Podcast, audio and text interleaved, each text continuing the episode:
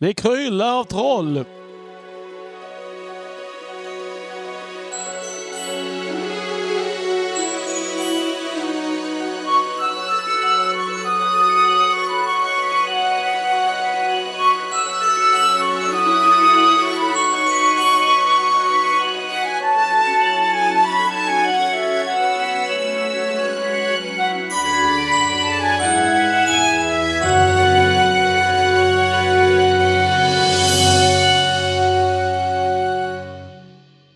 Och välkomna till det 38 avsnittet av Tolkienpodden.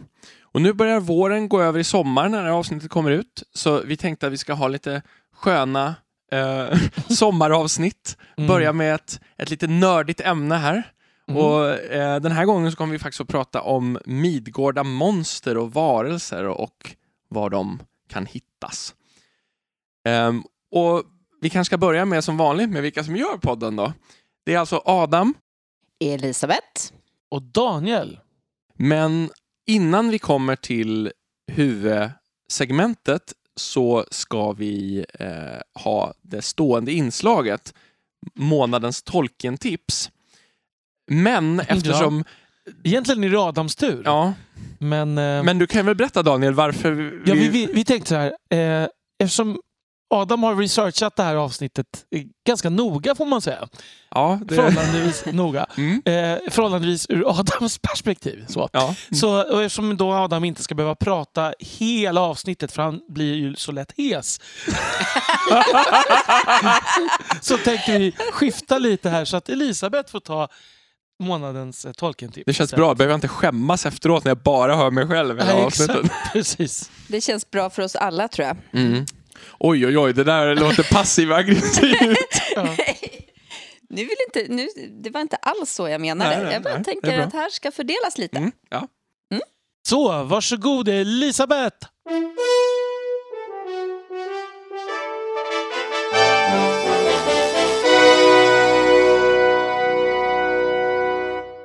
Tack så mycket. Och eh, det här med att hitta något Tolkien-relaterat eh, runt om i eh, vår värld tyckte jag var en spännande uppgift. I- Den här gången så stod det ganska still ett bra tag tills det slog mig att juni, då ville man ju ändå eh, koppla det till någonting som man kan göra.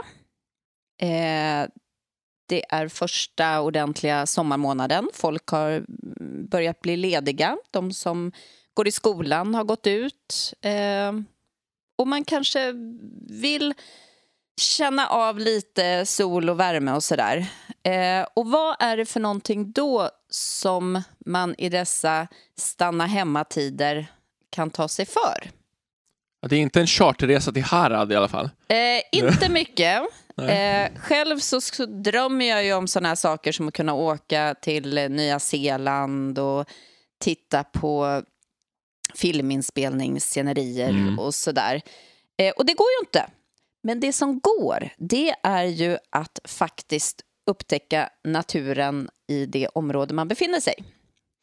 Och var det någonting som tolken tyckte om så var det ju natur. Och därför så tänkte jag slå ett slag för eh, någonting som finns här i Stockholm där vi spelar in. Och det är Bergianska trädgården. Och Tolkien älskade ju Botaniska trädgården i Oxford dessutom. Så där har vi en Ja. till Så det är min koppling. Eh, jag tänkte så här att eh, eh, i brist på att kunna åka till Oxford, att kunna gå runt och se de här delarna. Precis. Eh, Så kan ju Danne ta sig till Bergianska Du, du kan ju ta dig Danne. Ja. Eh, och gå runt och njuta. Det här är ju en plats som jag eh, verkligen tycker har underskattats på många sätt. Eller det finns ju många som älskar det såklart. Men jag har inte riktigt eh, varit där i den mängd som jag önskar att jag, Jag hade tror varit aldrig där. jag har varit där. Är det så? Jag är väldigt tveksam Mm. också. Kanske när jag var liten möjligen. Eller något. Ja, men då, då är det här kanske något för den här sommaren. Absolut. Vi får boka in ett besök tillsammans. Ja, det får jag. Ja. Det tycker jag absolut. Och nu har jag tagit fram sidan för Bergianska här. Och eh, där finns det Stora fjället, Japanska dammen. Man har plockat fram Öland och Gotland för alla som längtar efter eh, att åka till sina kära gamla sommarplatser. Eh, italienska terrassen. Eh, det finns ett helt underbart hus, Victoriahuset där man har eh, plockat in tropiska växter, bland annat jättenäckrosen Victoria. Eh, så att det som går, inte går att hitta där, eh, det är inte riktigt värt att titta på, tror jag, i fråga om eh, trädgårdsvarianter, botanisk trädgård. Eh, och en hel dag på en sån plats så här i sommar. Eh, just nu så är det kanske 15 grader ute. Eh, gissningsvis när ni lyssnar så är det något liknande eller varmare. Men eh, det kanske är... Jag behöver inte gå in så mycket. Det går att åka dit och fika och, eller äta en god lunch, gå runt. Man kan åtminstone lägga en eh, fyra timmar, kanske, utan problem. Gå och njuta lite. Mm. Alltså det låter Det låter otroligt väldigt trevligt bra. just nu. Ja. Visst låter det trevligt? verkligen. Mm. Det låter som ett Ethelian mindset, tycker jag. Så Verkligen. här. Mm. Mm. Hitta de här små pärlorna runt om där man befinner sig. Mm. Ja, det får man verkligen göra Ja, i de här tiderna. Ja, bra association. Väldigt så här, Mm. För det där är en helt annan aspekt sån här, som jag aldrig skulle komma att tänka på. Liksom. En an, men det, är, för det är en ganska tydlig koppling ändå, tycker jag. jag tror att Tolkien hade gillat Bergianska trädgården. Jag tror att han hade gillat dina Tolkien-tips bättre än mina. Ja, ja Bergianska trädgården eller ett obskyrt metalband. Ja, men. Kanske inte satanistiskt, satanistiskt oljud. Ja, Liksom. precis. Ja. Mm. Eller blommor. Ja. Spela Precis. lite schack, ja. Ja. Nej, men det är där jag ligger. Ja, liksom.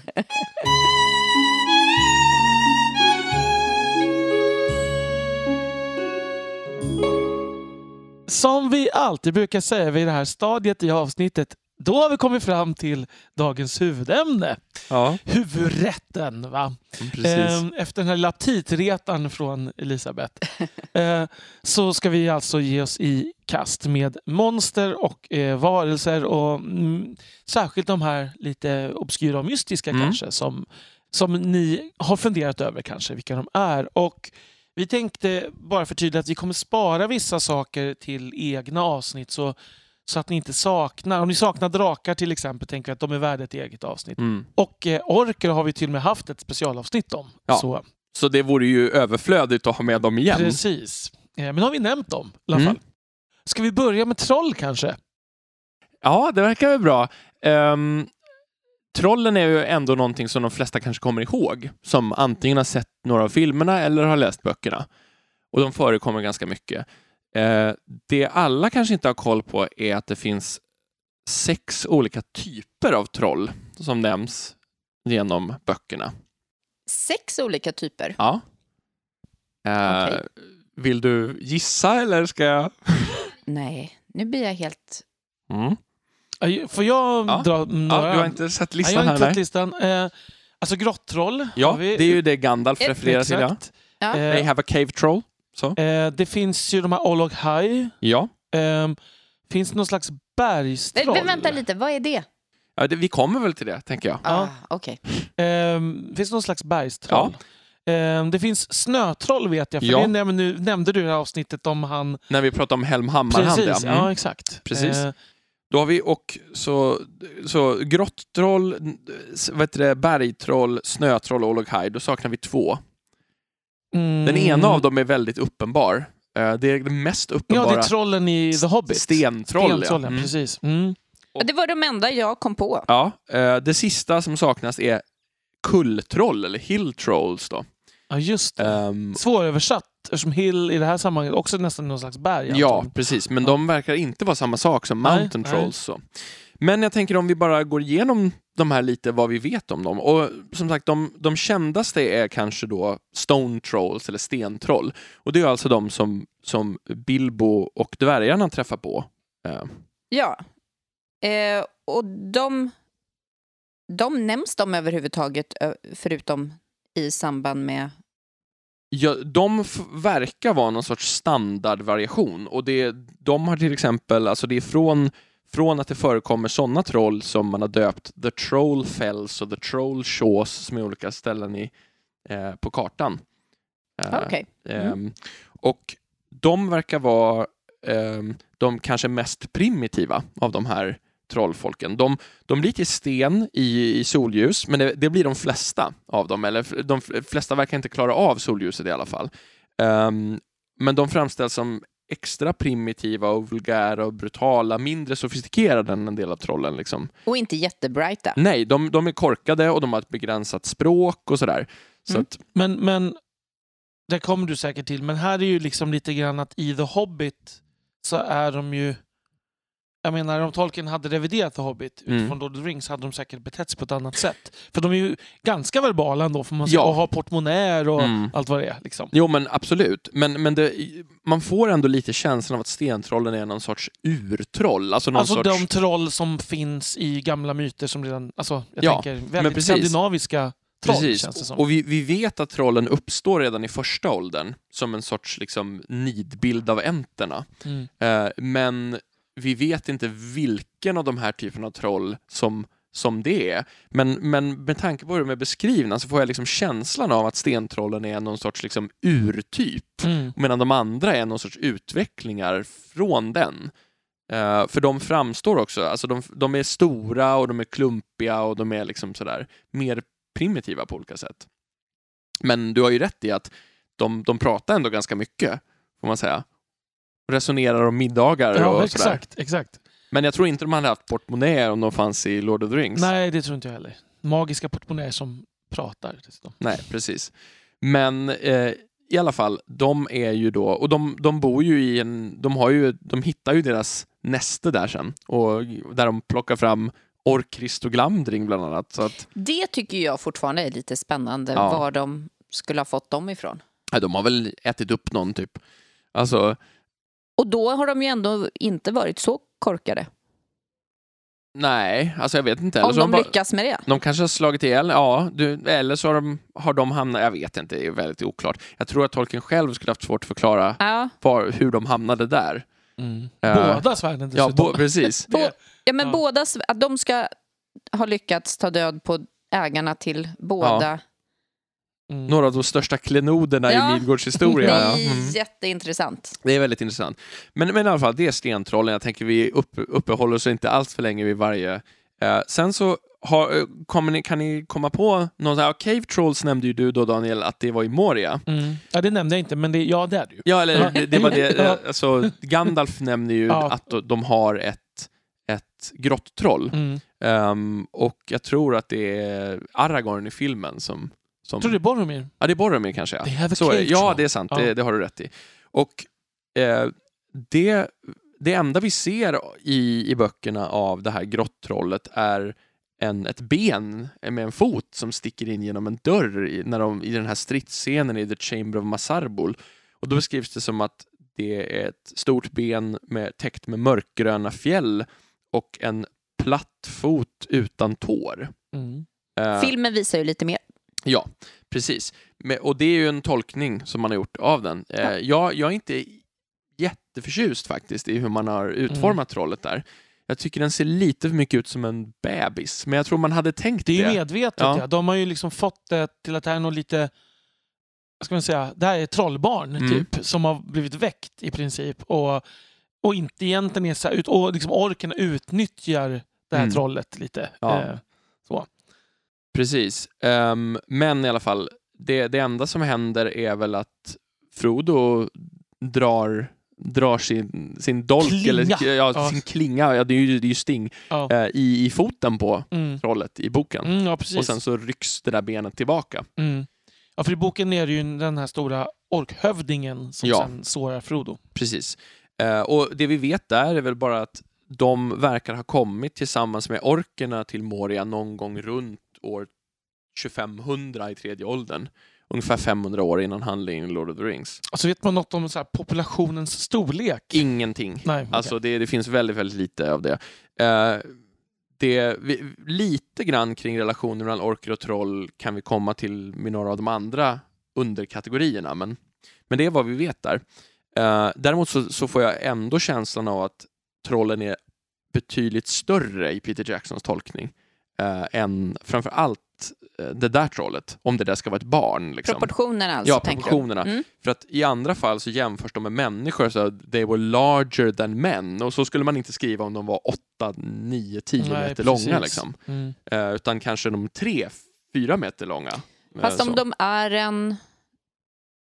Ja, ja, ja, ja okej. För det här trollet är ju typ 6-7 meter långt trots att det är ett småbarn i så fall. Alltså det, Mm. och sen är ju trollen i The Hobbit är ju 15 meter lång, höga i de här stridsscenerna i Hobbit-filmerna. Liksom. Hur Ja, stora precis. är enterna? Ja, ungefär så. 10 meter Ja. höga någonting. Jag tänker att om, om de ska Ja. ha varandras proportioner. Liksom.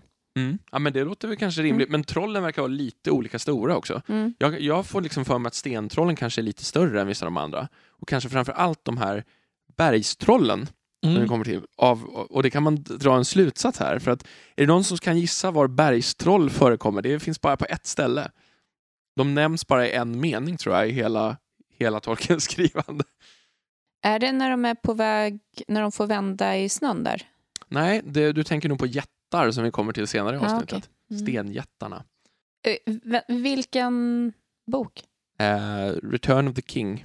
Har det något med portarna att göra? Ja, Svarta portarna? det är... Är inte där faktiskt. Nej. Det är andra portar. Ja. Det är de som sköter Grond vid Pelennor. Ah. Den dras och svingas av bergstrål. Och då tänker jag mig att de måste ju vara väldigt stora. Mm. Att man tar de största, tyngsta trollen för att sköta Grond. Ja, för den är så massiv. Liksom. Mm. Murbräckan alltså, som man använder för att försöka Just slå det.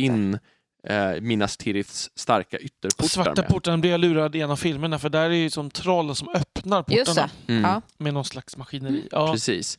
Ja, men så det är enda gången eh, bergstroll nämns. Mm. Och då har vi alltså gått igenom tre kategorier som låter väldigt lika. Stentroll, grottroll och bergstroll. Mm. Mm. Så de Och då fanns det olika tre kategorier. till. Precis. Eh, sen så har vi då snötroll och det finns bara nämnt i den här bisatsen som du Mm. refererar tillbaka till som jag pratade om att när Helm Hammarhand är ute och rör sig i snön så, så är han som ett snötroll. Och, där, och då pratar vi i det avsnittet minns jag om att det kanske inte ens är något som finns utan det är mer en bild som man Ja. får. Liksom. Det är möjligt, inte. fast jag ja, jag vet inte, jag får ändå känslan av att det verkar vara ett liksom, för det är, det är med bindestreck mellan, Mm. så det känns ändå som någon sorts här etablerat koncept. Men man skulle väl kunna tänka sig att det bara helt enkelt är troll som lever i ett annat klimat och har anpassats lite efter det. Mm. Mm. Så, Jag vet inte. Det finns ju ingenting Eller mer. troll, alltså det skulle ju också kunna vara ett troll av snö, att han liksom Mm. blev som en stor Ja, Mm. oformlig figur. Liksom. det är möjligt förstås. Mm. Det, det får man får väl alla bilda sin egen uppfattning Ja. kring. Man, jag tänker mig lite yeti-aktigt. Ja, just det. Alltså att de kan vara lite lurviga. ja, ja. Ehm, sen har vi då två kvar och de här är lite, de, de skulle delvis kunna vara samma kategori. Hill Trolls och Olog High. Och för Hill Trolls nämns två gånger. Det första är att Aragorns farfar Arador har blivit dödad av ett Hill Troll i kullområdena norr om, om vet det, Riftedal. Ehm, men sen, så andra gången de nämns, när de faktiskt förekommer i handlingen, så är det att det kommer ut ehm, troll från Svarta portarna att, i Mhm. det här sista Mm. slaget utanför Svarta portarna. Och då står det att de är Hill Trolls out of Gorgoroth. Och då beskrivs det att de är mer lika människor kanske än andra troll. Att de är större, de är också troligen fjälliga, de har hammare och sköldar. Mm. Eh, Så att de är liksom beväpnade mer ordentligt. Och De de är har, större än... än människor. De verkar vara Ah, mindre okej. än andra Mm. troll, Mm. fr- framstår Ja. det som. Och det beskrivs också att, eh, ja men, eh, men det som gör att de kanske inte är vanliga hill trolls, utan kanske Olog High, är att det här slaget sker i solsken. Och det i beskrivningen av Olog High, som alltså är Saurons specialtroll som man har avlat fram, ungefär som Uruk-hai för orkerna. Liksom Mm. ehm, sent någon gång i tredje åldern. ehm, då står det att de är de som klarar solen, till skillnad från andra Mm. troll. Mm. Och eftersom det här det slaget... då- liknar också Urukai. Liksom. Ja, precis. Och då står det dessutom så här att de här är Hill Trolls out of Gorgoroth. Mm. Och vi vet att de här är framavlade i Mordor. Så troligen är Olog High någon sorts liksom förädling av Hilltroll breed, skulle man kunna tänka sig. För Tolkien skriver att de är framavlade av Sauron, men man vet inte from what stock. Så. Um, och de verkar förekomma, Olog High verkar förekomma framförallt i Mordors utkanter och i södra mörkveden. Uh, och de beskrivs som både starka men också uh, skickliga på olika saker, rörliga och intelligenta, mycket Mm. smartare än andra troll. Och att vissa i Midgård felaktigt trodde att de var gigantiska orker på grund av det här. Men, men det står uttryckligen att det var fel, det var troll och att de, de var mycket farligare och större och starkare än alla orker. Liksom. Och de prat, talade också bara svarta språket. För de var liksom Mordors specialtroll. Specialstyrkor. Ja, precis. Mm, Det är mm. Mordors SWAT-team Ja, som skickas precis. ut här. Ja. Och det är, är det en sån, jag minns från filmen Mm.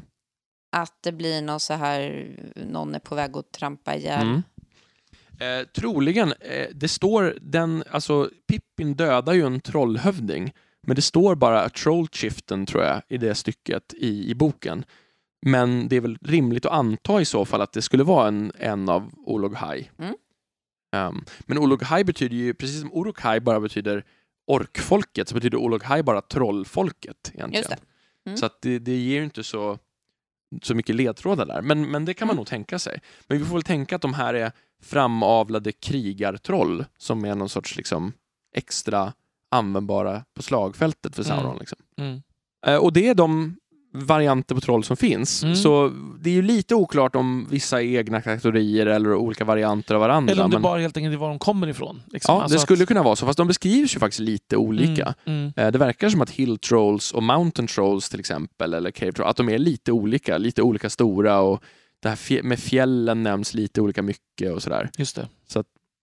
Lite, ja. Och sen då alltid som sagt frågan liksom hur, hur, hur kategoriserat det var av tolken och hur mycket som liksom blir kategoriserat i efterhand. För att det, liksom, alltså det kanske fanns sju sorter till Ja. om man hade fått tänka vidare. Liksom. verkligen. Sea trolls och liksom, Ja. forest trolls. Och, ja. Precis. När, när det skulle komma ut en rollspelsbok så Ja, var Tolkien tvungen att hitta på dem.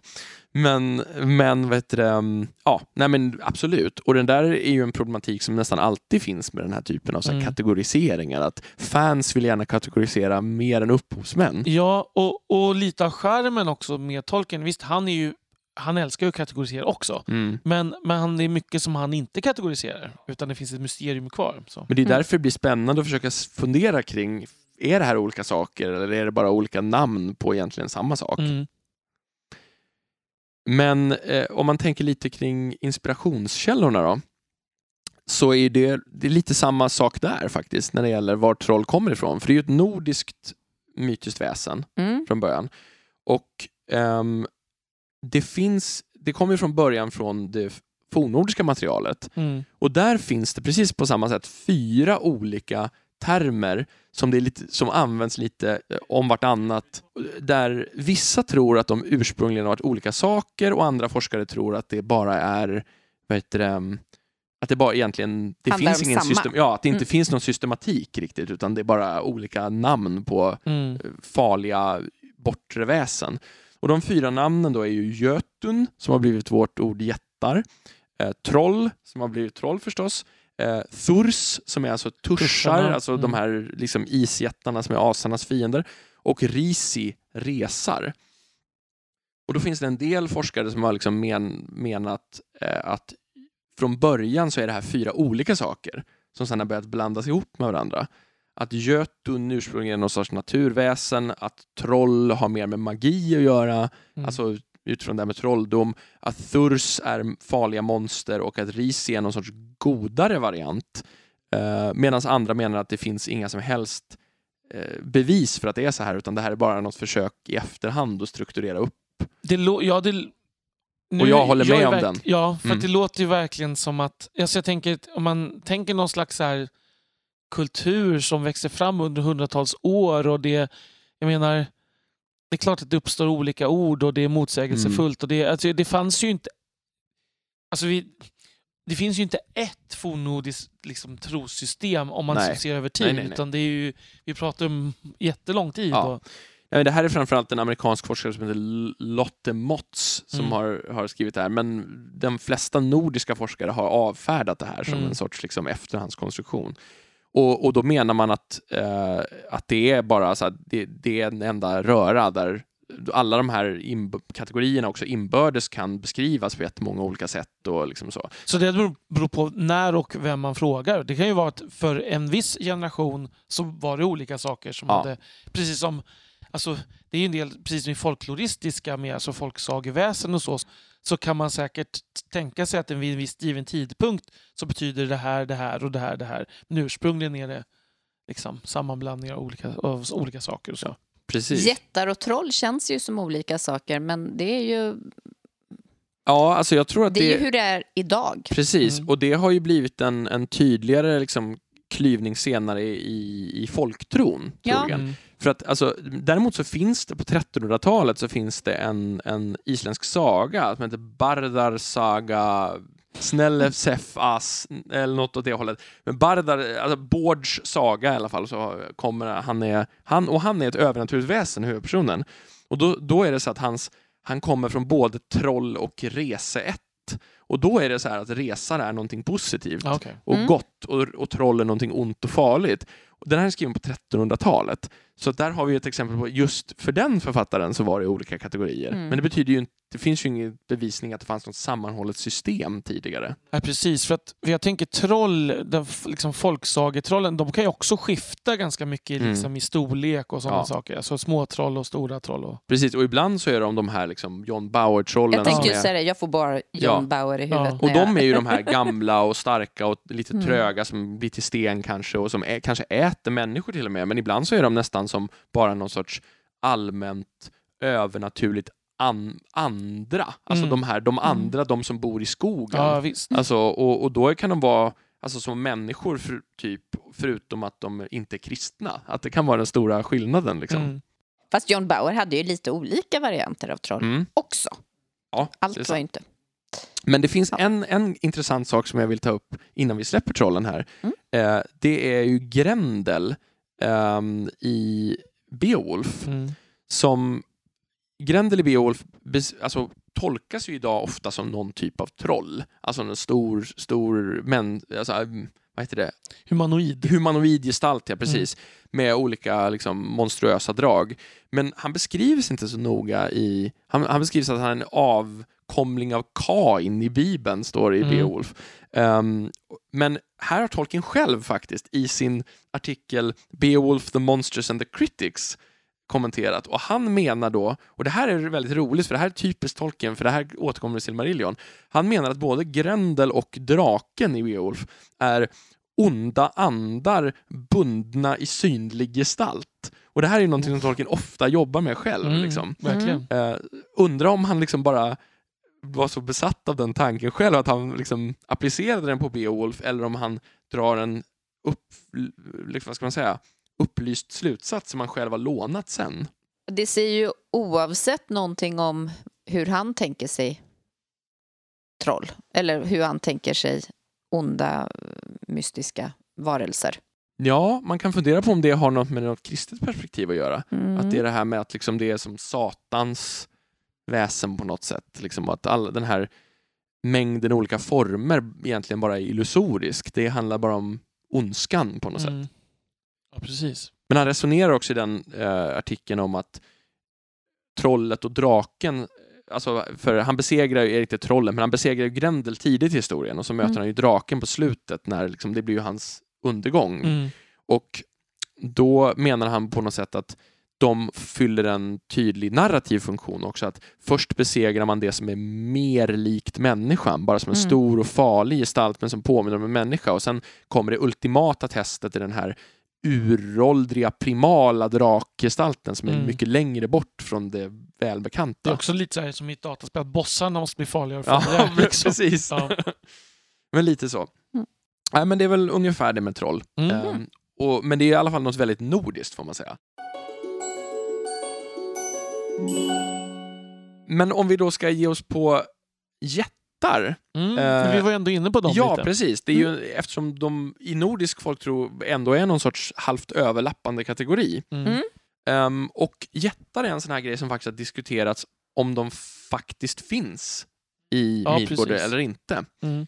Ehm, Vilka är det som står och kastar sten i The Hobbit? det är just det. Ja. Det är det, den gång de förekommer. Mm. Och det är ju då att när Bilbo och dvärgarna och Gandalf ska korsa Dimmiga bergen så blir det ett jättestort åskväder och då så står det att stenjättarna kom ut och började slunga stora stenbumlingar fram och tillbaka i någon sorts lek eller spel som de håller Och på där med. blev ju en fantastisk scen i filmatiseringen. Jag, mitt, mitt, min röst dryper av ironi här Ja. kan jag säga.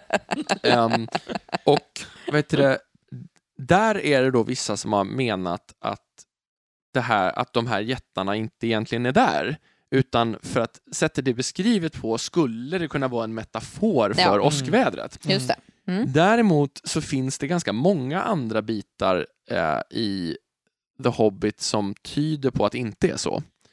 Tolkien skriver väldigt sällan i den typen av metaforer. Nej, precis. Det, så det är det ju. första ledtråden. Ja, men, men, men dessutom så är det så att när de pratar om, om de här björnarna kring urgamla björnarna, när de pratar om um, Björn, då, då nämner de att de levde runt Dimmiga bergen before the giants came. Ehm, Mm. och dessutom så är det så att Thorin oroar sig för att bli upplockad av en jätte och Gandalf påpekar att man kanske skulle hitta en, en vänlig jätte för att använda mot vättarna. Liksom. Så att de Det, det känns som att det, man behöver inte fundera så Nej. mycket när det finns så här många ledtrådar. Precis. Det, Nej, precis. Ehm, och vet du, ehm, det finns också ett utkast till Lord of the Rings eh, som finns i sjätte delen av History of Middle Earth där, där, som jag tror kommer från Fylke, där, där de, det står Giants were spoken of, a big folk, only far bigger and stronger than men, the ordinary big folk. Det. Mm. Mm. och, och utifrån det så är det vissa som har funderat på om, om jättarna ska ses som någon sorts alltså så här, antites till hobbitarna. Alltså att om Mm. hobbitarna är en Mm. miniversion av människor, att jättarna ska vara en sorts makroversion av människor. Men Så proportionerligt lika Ja. mycket större som eh, hobbitarna är mindre. fast jag köper inte det. Jag tror att de ska vara mycket, mycket, mycket större än så. Mm. Dessutom, det finns väl, jag, är, jag tror att det är så att det här Ettenmoors, att det liksom är jättehedarna. Liksom. Ja. Jotunhedarna heter de i nya ja, och, och ätten är ju ett ord Ja, för, för för jä- jätte. Precis. Alltså Mm. från anglosaxiskan. Så, att, så det är ju ändå så att tolken föreställer sig att det åtminstone i Midgård finns en slags mytbildning om att det har funnits Mm. jättar där. Precis. Ehm, frågan är om... Om inte det är troll då. Mm, precis. Den sammanblandningen igen. Frågan är om jättarna skulle ha funnits kvar om han hade skrivit om The Hobbit återigen. För de känns också lite mer sagoaktiga på ett sån här Mm. Narnia folksaga-sätt än mycket Mm. annat. Verkligen. Men, men du har rätt i den där. Eh, en annan, eh, det är den här sammanblandningsmöjligheten med troll också Mm. förstås. Men en annan variant, ja men man skulle kunna tänka till exempel om Mountain Trolls är större, om det är Mm. det som är jättar till exempel. Ja, till exempel. Ehm, men en annan variant är faktiskt att i ett tidigt stadium av Lord of the Rings så refererar Tolkien till Treebeard som The Giant Treebeard med stor bokstav på G. Liksom. Mm. Och att enterna faktiskt, alltså ent kommer också från ett ord för jätte precis. från anglosaxiska. Mm. Och de, när de kommer till Isengård så beter de sig faktiskt lite som stenjättarna i Dimmiga. De, de slungar stora stenbumlingar fram och tillbaka. Så det är de så som... Gandalf har hittat sina vänliga jättar. Ja, Mm. alltså det, det är de som ändå har gjort den här kopplingen att det Ja. finns ju uppenbarligen någon sorts liksom, eh, parallell här liksom, Ja. mellan dem. Men, men jag tänker att man får tolka själv hur man, hur man ser på jättarna, om de har funnits i Midgård eller Mm. om de bara är en myt eller om de finns kvar fortfarande i Lord of the Rings tid. Ja, det beror på hur, också hur man läser The Hobbit. Om man läser den som att den är... Kanonisk. Ja, alltså kanonisk är den ju, men om den är kanonisk utifrån den att den, det är en berättelse sk- nedskriven av hobbitar. Mm, Ehm, vilket det ju är. Även Lord of the Mm. Rings är Ja. ju nedskriven av hobbitar. precis. Så att, det, så att hur mycket av det som är sant som står i The Hobbit, Lord of the Rings utifrån det, nu stora citattecken, det äkta Mm. Midgård, liksom, det vet vi ju inte riktigt. Nej, och det, där kan jag faktiskt flika in att det kommer inte att komma några varelser här som bara nämns i Hobbit Legendary, Mm. eh, utan de får vi spara till någon annan gång, till exempel om vi pratar om The Adventures of Tom Bombadil, utan sånt som det bara finns belägg för från Hobbit-dikter, Mm. det har jag inte tagit med. Det, i Research. det, hobbykulturen är fascinerande. Mm. Mm. Precis, Ja. du och dina hobbitar. Ja. Ja. Mm. Nej, men det är väl ungefär det man kan säga om jättarna. De nämns också ganska kort. Mm. Eh, möjligen skulle det ju kunna vara en, alltså precis som i nordisk myt, att det, det är oklart hur man skiljer dem från trollen. Eller så är de något eget. Jag gillar en-tanken. Mm. Du, du tänker att, att liksom det från början att Tolkien tänker sig ämterna som jättar och sen så blir, har han redan skrivit The Hobbit, eller hur, hur tänker du liksom att man ska applicera en tanken? Nej, men just... ehm, jag, jag tror inte att det är en slump med namnet. Nej, Det nej, ligger ju inte riktigt för honom att råka av misstag koppla ihop sådär. Nej. Eh, men, eh, nej, men just det här att han kanske lekte med tanken att eh, något som är karaktäristiskt ont får ha en, en annan funktion. Mm. Sådär. Mm. Och kanske liksom är Enterna är då den bakomliggande sanningen bakom hobbitarnas till exempel och legender om jättar. Ja. Precis. Ja. Och, och det dessutom har vi ju Cousin Andy, heter han väl, som har Sams kusin som har sett ett vandrande träd. Ja. Det skulle ju kunna vara liksom, hur det hänger ihop Mm. med varandra Mm. på något sätt. Ja. Eller så är det dina entiskor, Elisabeth. Eller hur? Som- Fast jag tror de ser lite annorlunda ut. Ja, det, det finns att de kanske ser lite mer grönskande ut på något sätt.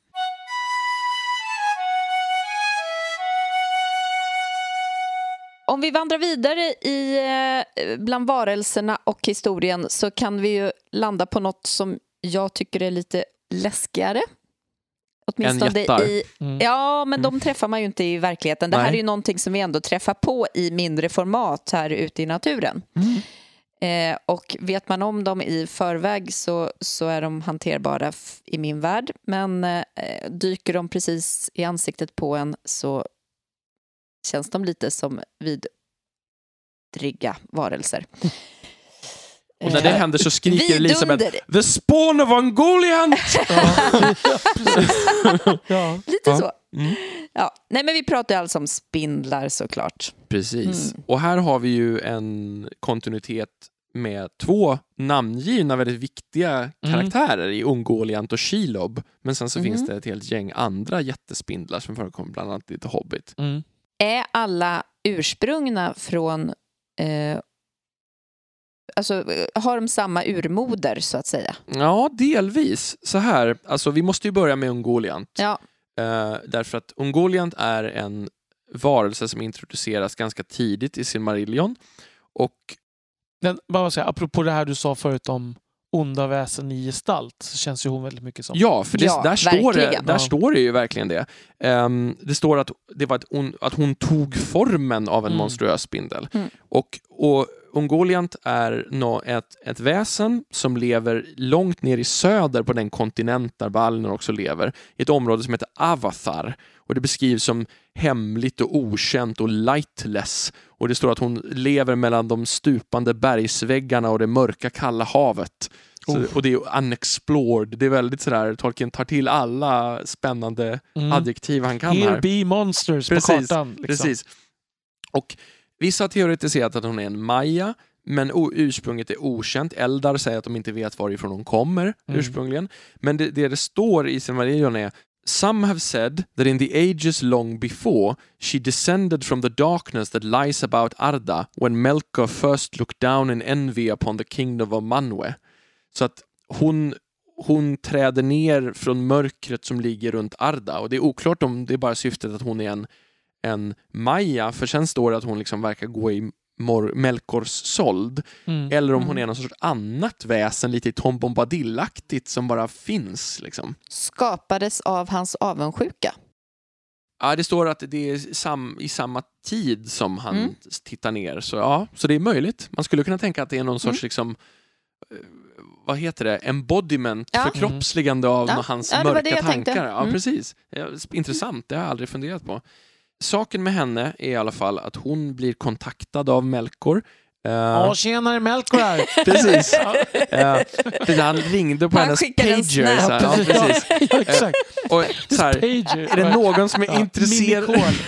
Är det någon som är intresserad av att anfalla Valinor här? Precis. Ehm, Skicka fax. och- Fick du memot? Precis, precis. Och det, det som säger, hon är ju då i form av en monstruös spindel och hon, ehm, hon äter ljuset. Hon, liksom, hon Mm. hungrar för ljus fa- samtidigt som hon hatar det. Hon suger upp det och hon väver nät av mörker av det på något sätt.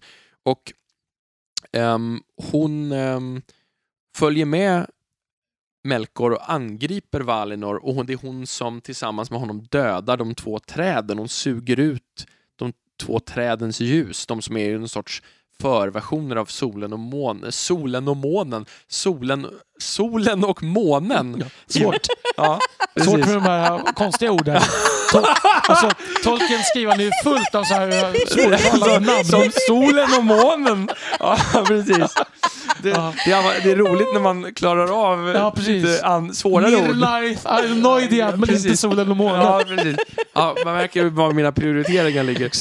Mm. Och vad heter det, hon, det, hon, en sak som hon verkar kunna också, att hon verkar kunna framkalla mörka ångor eller mörka moln, både för att dölja sig och för att angripa saker. Hon suger ut trädens livskraft i ljuset. Och sen så slutar det med att hon och eh, Melkor blir osams när Melkor vägrar ge henne Silmarillerna. Hon anfaller Melkor i det område som sen kallas för Lamoth, för han ger upp ett enormt skrik som är liksom det värsta och högsta, eller starkaste skrik som någonsin har gjorts. Och Balrogarna kommer och räddar honom, helt enkelt. Mm. Ja, och Ehm. då får man ju en insikt i hennes kraft. Ja. Alltså, det, Om hon vi- kan ensam eh, utsätta honom för, Ja, för det hotet. Eh, hon flyr därifrån och sen det enda vi vet är då att hon tar vägen först till ett område som heter Nandungortheb, som är en dal eh, i Beleriand. Och det hon gör där, det är att hon ehm, träffar på andra foul creatures of spider form som redan Mm. finns där Mm. Mm. och eh, som har varit där sedan tiden då Angband grävdes ut, alltså väldigt Mm. tidigt då. Ehm, och hon parar sig med dem och hon och äter dem, de som hon parar sig med, och sen så lever deras avkomma kvar där, alltså ännu värre spindelmonster för att de delvis parar från henne. Och Ered Gorgoroth, den här bergskedjan där i Beleriand, fylls av dem. Eh, men vad som händer med Ungoliant till slut, det vet man inte riktigt. Eh, hon verkar hamna nå- någonstans, fly in i den bortglömda södern av Midgård. Och det står att ingen vet hennes slut, men att det kan ha varit så att hon till slut förtärde sig, sig. själv. Ja, Mm. precis. Men det är intressant att i en tidigare version eh, av Silmarillion-materialet så ett av Earendils storverk är att han dräper Mm. Ungoliant på en av sina resor när han liksom stöter på henne. Herakles. Ja, Ja, precis. men verkligen. Mm. Eh, precis så.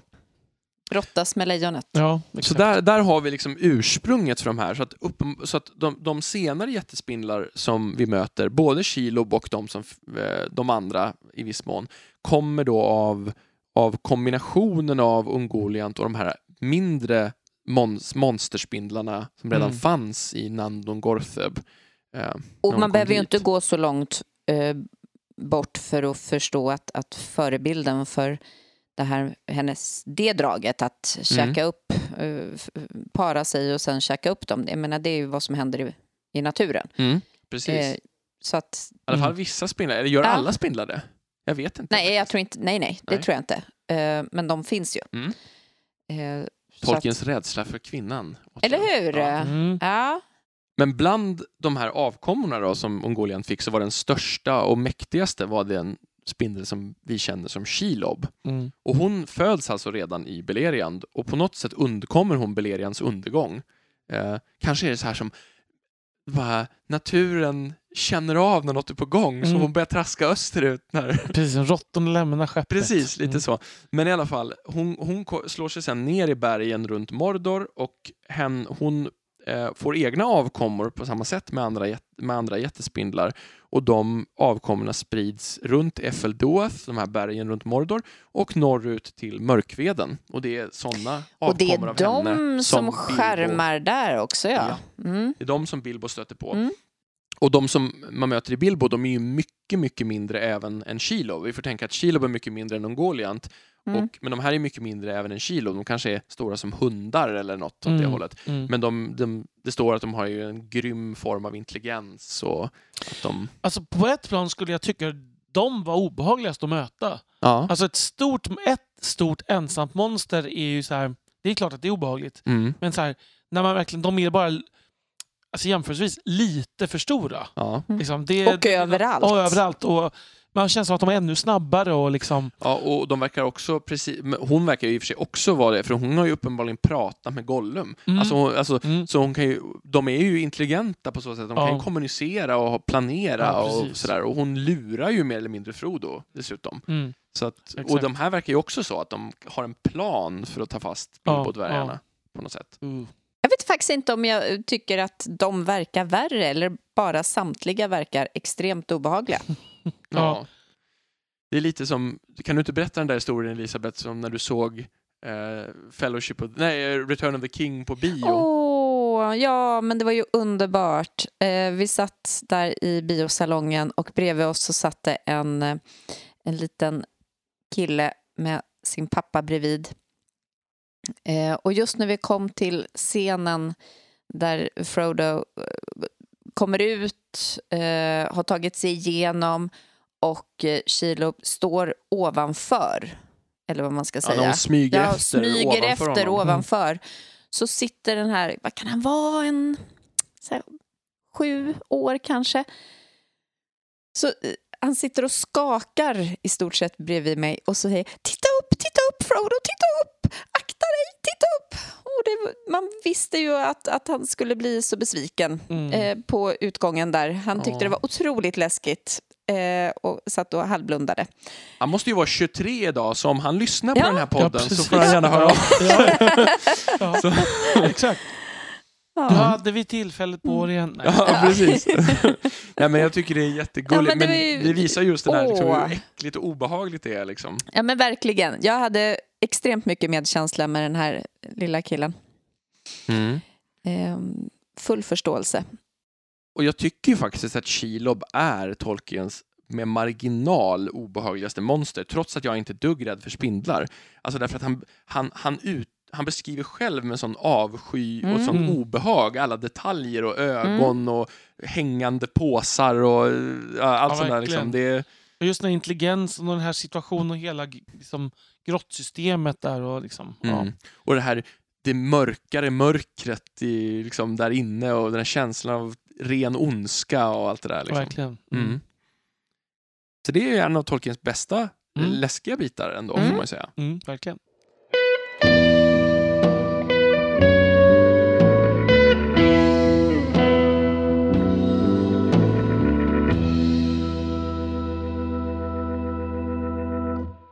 Om vi fortsätter på djurspåret så kanske vi ska ta oss an eh, de här ulvarna, the wargs.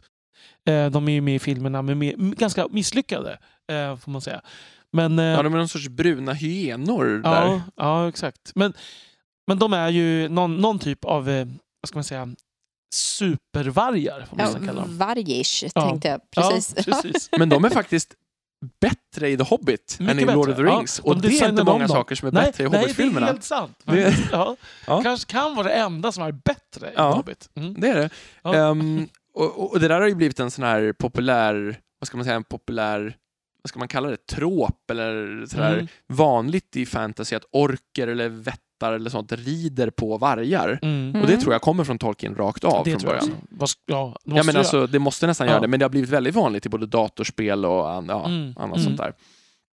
Ehm, och eh, det vi vet om dem är helt enkelt att de är stora och intelligenta vargar som kommer från området Rovanion i öster, Wilderland, eh, och i, de kan tala.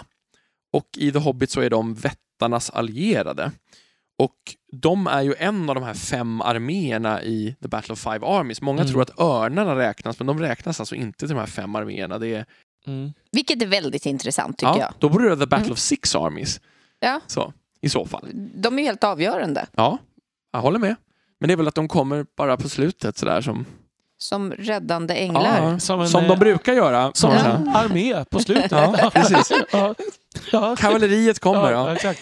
Men, ehm, Det är som Rohirrim ungefär, och de är Ja. ingen armé. nej precis. nej, nej, nej. Eh, nej. Inte alls. Nej. Nej, nej, jag vet inte hur han tänkte där. Men i alla fall, ehm, det, det vi, de förekommer ganska mycket i The Hobbit och de förekommer också lite grann runt Rohan, även om den här scenen med anfallet från vargryttarna är tillagd i filmerna så, Mm. så finns det antydningar i Rohan-kapitlen att det finns vargridande orker i Ja, just det. närheten. Ehm, så. Känns det inte som att de har fördummats lite i filmerna jämfört med bok- böckerna? Ja, de kan ju, verkar ju de absolut inte verkar- kunna prata i Nej, filmerna. men och inte liksom, de bara blir som djur de rider på. Mm. Det är väl för att man tycker att det kanske inte passar in riktigt, att det blir för mycket Narnia-aktigt. Ja, just det. sätt. Mm. Att- för det är ju en lite annan stämning Mm. det här med de talande djuren ändå, Mm. tycker jag. Mm. Det blir Ja, någon annan typ av fantasy. Mm. Eh, och som passar in mer i The Hobbit som ju är mer av en barnsaga kanske. Verkligen. De är ju, men det är ju en, tycker jag, en fantastiskt bra scen i Lord of the Rings. Annars är ju så varg-ulv-warg-attacken där Ja. liksom innan Morias gruvor. Men det här är intressant, jag tänkte precis nämna det faktiskt, för att eh, vår, vår vän Robert Foster, Ja. alltså som har skrivit den här The Complete Guide to Middle Earth, Ja, han hävdar bestämt att det inte är riktiga wargs det här. utan det, Förutom han menar att eftersom de här är borta så tror han att det, han menar att det är en magisk manifestation av wargs, att det inte är riktiga Ah, wargs för att ja, de, de, de verkar inte ha fysisk form egentligen utan de Nej. är någon sorts illu, illusion, bländverk. Ja, liksom. okej. mm. Eh, Men det, jag vet inte, vad tror ni? För det är ju mystiskt det där att de är försvunna. ja, det är väldigt mystiskt. Mm. Absolut. Det här kanske vi ska, måste introducera, för det här är inte med i filmerna. Kan du... Det är ju när eh, de misslyckas med, eh, sällskapet misslyckas med att ta sig över Karadras på grund av snöstormen så bestämmer sig för att ta den vägen i Moria och på vägen dit så blir de alltså anfallna eh, av en, liksom, en grupp vargar. Mm. Så. Eh, och Gandalf liksom jagar iväg dem där kan man ju säga med sin eh, eldmagi i princip. Mm. Väl. Men de dödar ju också ett helt gäng. Det gör de ju. Och den här påminner ju väldigt mycket, den här attacken, om attacken när de är uppe i träden i Mm. The Hobbit, får man säga, liksom i karaktär. Och det som är speciellt då är ju då att när de har stridit klart så hittar de inga varglik. Fast Nej. flera av dem säger jag dödade uppenbarligen flera stycken. Ja. Och det ja, man hittar väl Legolas pilar till och med, tror jag. Precis. Ja. Men inga kroppar Nej, som de har nej. suttit i. Mm. Ehm, Men, det, men fast... Då, då skulle jag, jag skulle vända på det här, Mm. tror jag, och säga att det kanske inte är, det, här, det kanske är så här det är med de här wargs. För att mm. alltså, de kanske är någon typ av övernaturliga väsen generellt. Mm. Alltså att de, att de alltid har de här egenskaperna. Och att det, ja precis, när de dör så försvinner de Ja, istället bara. ja. och att det kanske. finns någon slags... Att, för, för man får ju även här känslan av, tycker jag, hos, hos Tolkien att de är precis som Ungoliant, att det snarare är någon slags väsen i... Som tagit form. ja, precis. Och att- Gandalf kallar ju faktiskt ledaren för Hound of Sauron. Ja, alltså precis. som, Mm. som han Mm. associerar ju som något av Saurons minions. Ja, liksom. exakt. Så att jag tänker att... Och det, det, man har ju nära det här med liksom att... Med, som vi kommer komma in på med varulvar och så. Mm. Alltså det här med att med liksom shapeshifting, att byta Mm. gestalt och, och gränsen mellan varg och människa i Mm. etymologiskt och så här saker.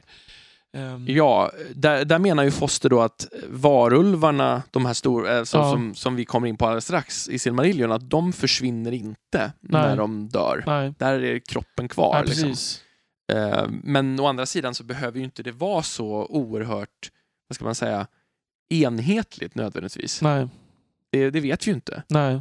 Men det är också så att alltså det här ordet warg ju är ju samma som det nordiska ordet varg.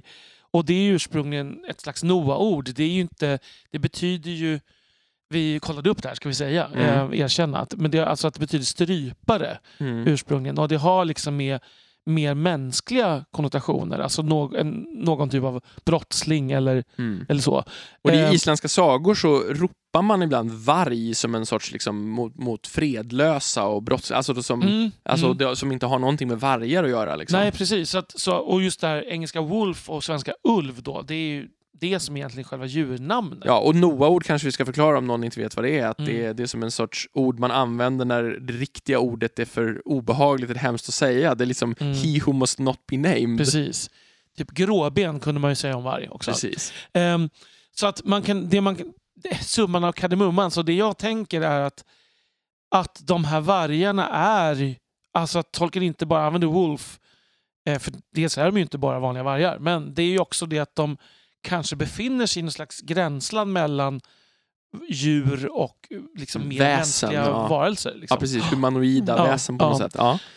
Och där kommer vi in på, på werewolf då, Mm. från Silmarillion. För att werewolf betyder ju man-varg, Mm. alltså rakt av. Och normalt sett så när vi tänker på en varulv så är det ju en man som förvandlas till Mm. varg. Mm. Men så Mm. är det ju inte hos Tolkien. Nej. Utan hos Tolkien så, så är varulvarna onda väsen, apropå det här vi pratade om Grendel förut, Mm. som Sauron, det står uttryckligen att det är Sauron som har gjort det, som har stängt in dem i stora vargkroppar. Mm. Och eh, Sauron kallas också i Silmarillion och ännu mer när han kall- fortfarande heter Thu, så är han Lord of Werewolves. Mm. Eh, och Men- de, ja, Kan inte det vara samma sak då?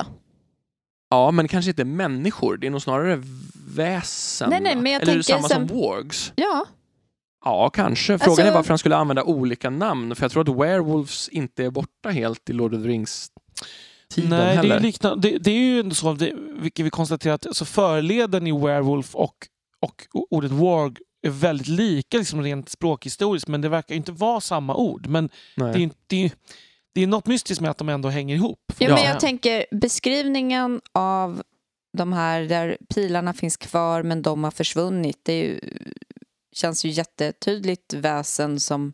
som Men då, då menar Foster dock att de här i Silmarillion har fysiska kroppar och, och som inte försvinner. Att, Mm. att de är inte eteriska på något sätt. Liksom. Det, det skriver han rakt ut. Han, han skriver det här är inte werewolf, så här, utropstecken typ. Mm. Så att han är väldigt bestämd. Men jag håller med dig om att det är, det är ju mystiskt likt varandra på något sätt ändå. Verkligen. Det kan ju vara närliggande. Jag menar, jag ska också säga att det här, min teori om de här ulvarna, att de skulle vara... Alltså det är ju inget som jag har igen, tänkt igenom särskilt noga. Eh, att de skulle... Att det här skulle gälla alla ulvar, Nej. att de bara försvinner. Men skulle man kunna tänka sig att de är som två liksom, nivåer, ungefär som valar och majar? Att liksom, werewolves är någon sorts liksom, farligare, värre version av wargs? Att wargs är någon sorts, eller, eller som Shelob och de mindre jättespindlarna? Att det är Ja. som två, Ja. Mer, mer som Mm, det, tänker jag. mm. Mm. två nivåer. Liksom. Ja. Och vi har ju ett par rätt kända som kategoriseras, äh, som kategoriseras in under werewolves i Silmarillion. Draugloin och Karcharoth är väl de kändaste då. Karcharoth som biter av Berens hand till Mm. exempel. Då. Mm. Och Sauron tar ju själv det. vargskepnad när han tror att det är han som ska uppfylla profetian om att besegra Hoan. Eh, men det, där går han ju bet. ja. Mm. Haha. Precis.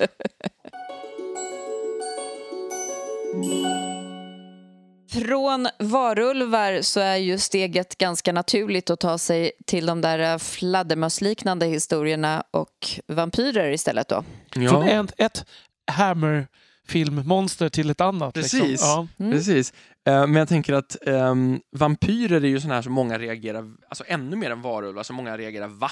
Finns det Mm. vampyrer i Midgård? Det, till och med jag reagerar Ja, fortfarande måste så. jag erkänna. Ja, ja. Men det är ganska mycket som tyder på att det kanske inte är riktigt samma sak som vi ser i, i en del, vet du, Dracula. Ja, precis. Mm. För att, alltså, ordet har ju Tolkien fått från Östeuropa förstås, i det här, den genre som började bli stor på 1800-talet. Och vissa tror ju till exempel att Radagast också är ett lån, alltså att namnet kommer från någon serbisk gudom eller något sånt där. Mm. Så att han har, jag tror att han pluggade lite grann något, något eh, slaviskt språk ett tag också. På Duolingo. Ja, men, nej, men det fanns ju inte. Men, Nej, jag vet. Ja, alltså, Ja. men, Ja. men i någon sån Ja. form, Ja. liksom, lite, Ja. lite på fritiden. Korrespondenskurs. Precis. Um, och vad heter det, han... um, med det här med vampyrer, då är det lite oklart, precis som med varulvar, hur nära det den inre bild vi har det är. För att det enda vi vet om vampyrer är att um, det fanns någon som hette Thoringwethil som var Saurons budbärare när han styrde i tornet Tollingaurhoth, eller, eller inte tornet, tornet på Tollingaurhoth, det är en ö i en flod i Silmarillion. Ehm, och då beskrivs det att hon är en vampire bat, men det är som en hamn hon klä, ikläder sig. Just så hon är Mm. uppenbarligen också någon sorts väsen. Mm. Ja, precis. Och, och det st- står att hon är som en vampire bat med iron claws och wing joints, eh, eller iron claws at the wing joints tror jag det står, Mm. något sånt där. Och att um, Luthien ikläder sig ju sen hennes Ja. vampyrhamn. Norpa den där... Precis. Mm. Och det, det, jag tror, jag minns inte, jag har för mig att ordet shaping cloak förekommer någon gång ehm, i sammanhanget. Men det som är intressant, apropå det här huruvida det är, hon är en vampyr-vampyr eller hur, hur man Eller ska tolka som det. en. Precis. Mm. Det är att hennes namn på Sindarin betyder Woman of Secret Shadow, Mm. vilket också drar lite åt den här vampyrbilden ändå väl? Mm. Eller? Det får man ju säga. Eller man, man kan väl tänka sig att hon är någon sorts Maya som man har, liksom, Mm. har skapat sig någon typ av, precis som Mongoliant ikläder sig en spindelform. Men så- däremot har man ju väldigt svårt att se framför att säga att Luthien skulle kunna stjäla Ungoliants spindelform. Nej, det här Det, kanske det är inte är mer lika av en permanent. på något Ja. sätt. Mm, Ja, det känns precis. som. Men exakt hur, det, det är ju väldigt mycket folksaga över det här. Eller nordisk mytologi, där finns Ja. det väldigt mycket så att man ikläder sig som en eh, vad heter det, fågelhamn och Mm, liksom, ja, just det. med Loke och sådär, liksom, Mm. flyger efter någon sådär. Mm. Liksom. Ehm, lite så. Sen finns det faktiskt en annan koppling och det är ju de stora fladdermössen som flyger över eh, vättarnas armé i The Hobbit. Mm. Ehm, för där står det att de liksom de eh, flyger ner och, och susar runt huvudena på, på alver och människor. Men sen står det att de bet sig fast vampire-like on the stricken eller något sånt där. Mm. Och det verkar som att de faktiskt suger blod av de fallna krigarna, de här stora fladdermössen. Och då är det fråga, men där står det vampire-like. Det är inte som Mm. att de här är vampyrer utan som Ja, vampyrer. precis. Och då är ju vampyrer ändå en sorts referensbegrepp. Mm. Men det kan ju vara ett för läsaren referensbegrepp. Ja, Det snarare. kan det vara. Mm. Vad tror ni här då? Hur ska man tolka det här? Nej, men jag tror inte att de är... Eller det vet, eller tror. Alltså de är ju inte som vampyrer i, i liksom, vår berättartradition. Nej. På, de är inte liksom på det sättet, eller åtminstone inte som vår berättartradition har blivit, kanske Nej. man ska säga. Precis. Det är inte liksom, man ser inte framför sig bleka ansikten och svarta mantlar och De är som huggtänder. fladdermöss som suger blod. Ja, så, så, Mm. precis. Och st- stora liksom. Mm. Ehm, Frågan är om Thoringwethil, det, hennes skepnad verkar ju inte vara ren fladdermus, får jag för mig på något sätt. mm. Eh, Alltså det, det känns som att hon, alltså på någon, något känsla får jag att hon verkar vara lite mer antropomorf. På något, Men alltså, ungefär som med vargarna eh, vi ja, har pratat precis. om. Eller, Det kanske är återigen att hon är spindlarna. högre väsen Ja. och att de Mm. här är lägre, senare varianter. Ja. Kanske. mm. Ja, hon Men- känns ju inte som en vampyr. vampyr. Nej. ja, precis.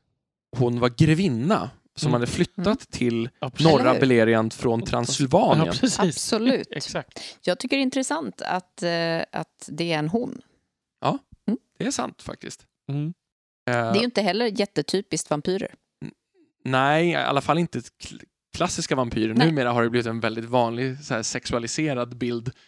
Men, eh, men i, i 1800-talet så är, det ju- är det ju ovanligt. Lucy i- blir ju i och för sig vampyr i vad heter det, I Dracula. Narnia. Ja, precis. Oväntat hade det varit. Ni som inte har läst den åttonde Narnia-boken. Nej, Exakt. Ja. Nej, men, men alltså en av karaktärerna i, i Dracula, Ja, Lucy, hon blir ju vampyr. Och Dracula Mm. har ju också kvinnor i slottet som Jonathan Harker råkar på. Ja. Eh, Så att det finns ju kvinnliga vampyrer redan i den. Men, men du har ju helt klart rätt i att så här, stereotypen är ju en lite farlig förförisk man.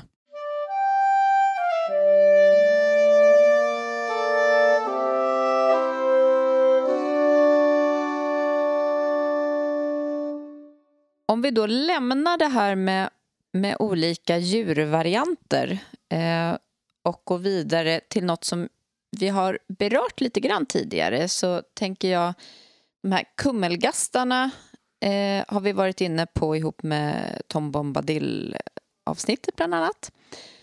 Eh, men i det här avsnittet så känns de ju ändå som att de är värda att komma tillbaka till Mm. och kanske fördjupa sig lite kring. Ja, eh, och kummelgastarna de är alltså också en sorts onda andar. Det finns ju många sådana här som är liksom spirits hos Tolkien.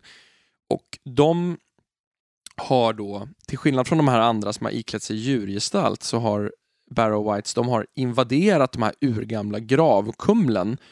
Eh, det verkar börja år 1636 i tredje åldern. Eh, och de här gravkumlen, alltså Barrow Downs eller kummelåsarna som vi nämnde bara här om avsnittet, de är eh, byggda från början av Dunedains förfäder innan de ger sig av västerut mot Beleriand. Eh, så de är oerhört gamla eh, från början. Och ehm,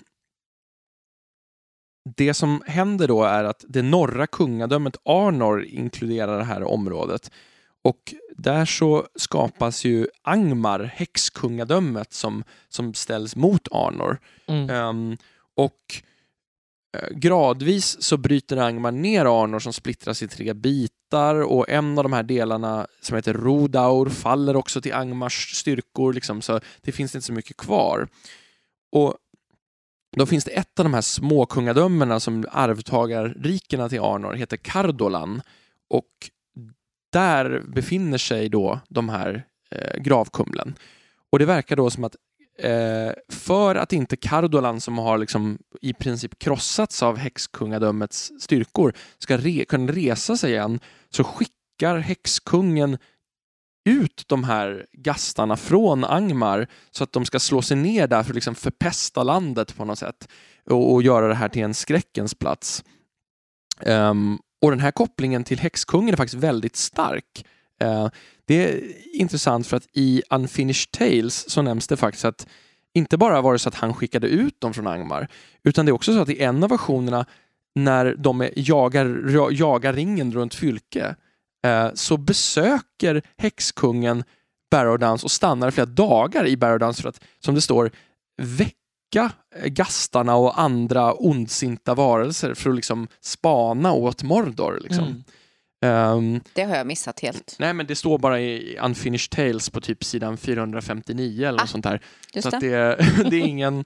Ingen skam över det. Nej. Nej, det var skönt. Ja. eh, det, det, det står inte alls i, själva huvudverket. Ja. Eh, men det står i den här biten som det heter The Hunt for the Ring eller något sånt där, där, Mm. där Ja, Tolkien det. går igenom mer hur svarta ryttarna rörde sig. Liksom. Ehm, och den här kopplingen har varit ännu starkare om man går ännu längre tillbaka i utkasten. För att i History of Middle-earth så framgår, framgår det att i Tolkiens tidiga ver- version- textversioner av Lord of the Rings att svarta ryttarna och vad kummelgastarna var samma sak från början. Att han, han är att de här är ridande gastar. Mm. Eh, och sen släpper han den tanken eh, när han får en tydligare bild av hur han tänker sig Nazgulerna. Mhm. Men den här kopplingen har varit väldigt stark och senare blir de någon sorts tjänare till, då, till häxkungen istället. De har ju uppenbarligen vissa likheter, får Mm. man säga. Alltså, Mm. de har ju, ja, Fast det som är intressant där, det är ju att jag tänk, har ju alltid tänkt att deras enda existensmöjlighet är ringarna. mm. Ehm, och de andra har ju inte ringar. Jo, det har de. Inte magiska ringar nödvändigtvis, men det står faktiskt att de har massor med guldringar på sina beniga fingrar och de har också satt på en massa ringar på hobbitarna när de tas till fånga. Så man skulle man kunna tänka sig att det är lägre versioner av maktringar. Alltså det står ju att Gandalf säger att det finns massor med mindre magiska ringar i omlopp. Skulle det kunna vara så? Mm. Kanske. Ja, det är ju, ja. Återigen det här stö- högre väsen och sen lite lägre av samma Ja. art som vi varit inne på flera gånger här. ja. Det kanske inte är helt Nej, men det var ju en jättebra tanke. Ja. Det räddar ju hela min bild. Eh, Mm.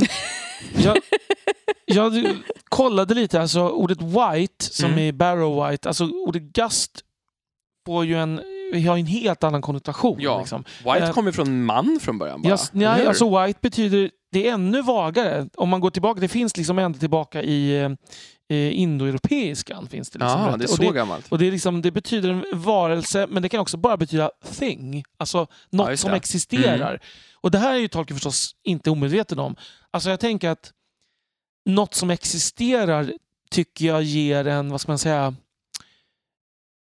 det betyder att de inte bara är en gast. För en Nej. gast existerar inte. Nej. Alltså jag tycker att de är något mer. Det är faktiskt samma ord som svenska vette. Ja, ja, ja. Eh, okej. Så att kummelvättar hade ju varit en mycket intressantare översättning. Då hade man fått en helt annan bild av det vilka de var. man. Det hade man. Men det är också intressant för vi vet ju faktiskt att de existerar i fysisk form för Frodo hugger den här krypande armen, hugger av handen på den. Så att den är ju inte någon sorts, liksom, som de här eh, som vi kanske kommer nämna alldeles strax, The Army of the Dead, som verkar vara mycket mer av en, bara en skuggbild. Mm, ja, här verkar det finnas verkligen. en fysisk form. Absolut. Mm. Eh, så att, så, så det, återigen det här med hur Tolkien använder sig av ord. Alltså, som sagt, det här vet ju han att Mm, det betyder absolut. det. det. Det är klart han vet. Absolut. Så att han använder ju inte, han säger ju inte Barrow Ghost eller Barrow Wraiths eller så. Nej. Utan de, får, de har en fysisk form. Ja. Och efter Tolkien så har det här blivit mycket, mycket mer associerat med just spöken i många spel och Mm. alltså det, det har blivit en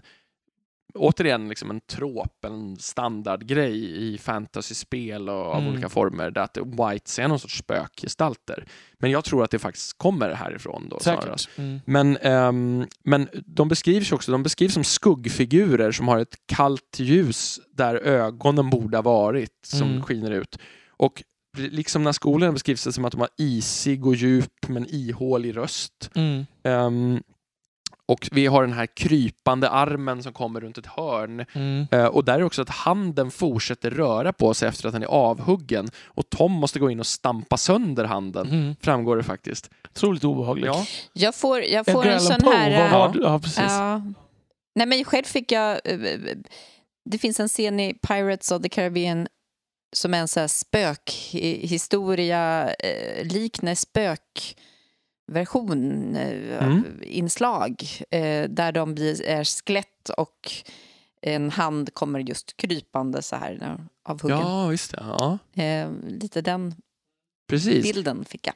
Men Ja. det här är ju mycket mer, eh, vad ska man säga, konkret skräck än vad Tolkien brukar jobba med. Alltså det där verkligen tycker jag. Mm.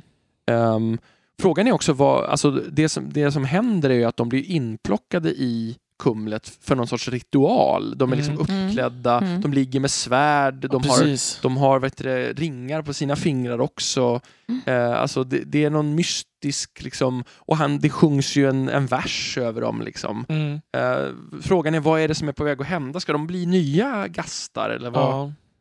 vad är Ja, syftet? det, är väldigt, det vet man ju inte. Nej. Eh, vad, har de för, vad har de för agenda? Liksom? Alltså Mm. generellt, vad är det de är ute efter? Och varifrån kommer de? Är de mindre majar? Mm. Eh, vissa har teoretiserat om de skulle kunna vara någon sorts döda andar från, från alver, alltså avari eller människor eller orker, alltså som på något sätt har förslavats. Eh, men det där vet vi ju, det går ju inte att... Lite som belägg. Döda träsken nästan då, Ja. fast mer IRL. Precis. Ja. Men lite också som edsbrytarna som vi kommer till Mm. härnäst, tänker jag. Att Mm. De är ju också någon sorts andar av döda människor som upphäver Tolkiens normala eftervär eller vad är efterlivskonstruktion. Mm. Ja, Liksom. verkligen. Mm. Mm. Intressant. Ja, ska vi gå vidare med det kanske då? Ja. Och vad, vad ska vi säga om dem då? Här finns det ju ganska mycket att säga ehm, och samtidigt ganska lite konkret. Mm. De är ju mycket mer tydliga spöken. Liksom. Mm. Eh, till skillnad från filmerna så är det så att de här, The Army of the Dead, verkar aldrig röra någon i verkligheten. Eh, att, De behöver ju inte nej, heller. de, de Mm. gör folk galna av skräck istället. Ja. Mm. Piratskeppen tas ju över bara genom att de visar sig, piraterna blir, Mm. blir galna och kastar sig i vattnet. Mycket rimligare. Mycket rimligare Mm. och mycket bättre också. Ja. Ehm, istället för den här yes diskmedel som besegrar pelennor och gör att Rohirrim kunde ha stannat hemma. Mm. Mm. Eh, Men, det, men där, Ja. där finns ju liksom en scen i filmen där som inte finns i boken. Där liksom, först är de ju väldigt spöklika även i filmen. Gimli Ja. går ju och blåser på dem. Liksom. ja. Eh, det är jättetöntigt. Mm. Ehm, men sen är det så att de helt plötsligt får en fysisk Fysisk. gestalt. Mm. Liksom. Mm. Alltså man ser dem bli solida på något Mm. Sätt. framför allt när de antar liksom Aragorns erbjudande. Ja, ja precis. Mm. Ehm, ja. Och, och där är det ju, de har ju liksom stannat, det här är ju mer som en klassisk spökhistoria också, de har stannat i världen på grund av någonting som är oförlöst i dem. Liksom. De kan inte Verkligen. dö och få vila. Nej. Och det är ju en klassisk, alltså, om man tittar på den inspirationskällan är inte så svår att... Nej, det är alla spökhistorier Ja. nästan Ja. så. Mm. Eh, Det, det känns Löwenskiöldska ringen lite grann Ja. sådär, tycker jag. Jag tänkte på spöket på Canterville. Tänkte jag Ja, på. ja, men absolut, det är väl lite så också. Mm. Ehm, vad, vad har vi att säga mer om dem? Där kan man tänka att där har man ju gjort om platsen de befinner sig på. Den är ju ganska annorlunda i filmen. Mm. De har ju byggt upp någon stort tempel i den förlängda versionen och så det här dödskalleregnet. Ja, Mm. Och- och- Uh. Ja. Eh, Och sen har de klippt bort den här jättefascinerande scenen med Baldor, eh, son av Brego, den här Mm. rohirriska prinsen som har kommit in där och dött vid någon oöppnad dörr. Vart leder den dörren? Mm. Det är- Det är ett av de stora. Och sen hela den här med The Stone of Erech och allt det där Ja. som dessutom. Ja, och det blir också nästan som The Wild Hunt i germansk mytologi, där liksom man, en, en dag om året så man måste fram till platsen. Ja, precis, men Mm. det är också det att alla måste stänga sina port dörrar. Det är ju som att Mm. Aragorn leder de här nästan som Oden leder The Wild Hunt i någon sorts Ja, just det. sporrsträck genom... Eller nästan, ja, och nästan också som att alla väsen samlas på Blåkulla. Ja, typ. Men det är ungefär samma, Ja, ja. tänker jag.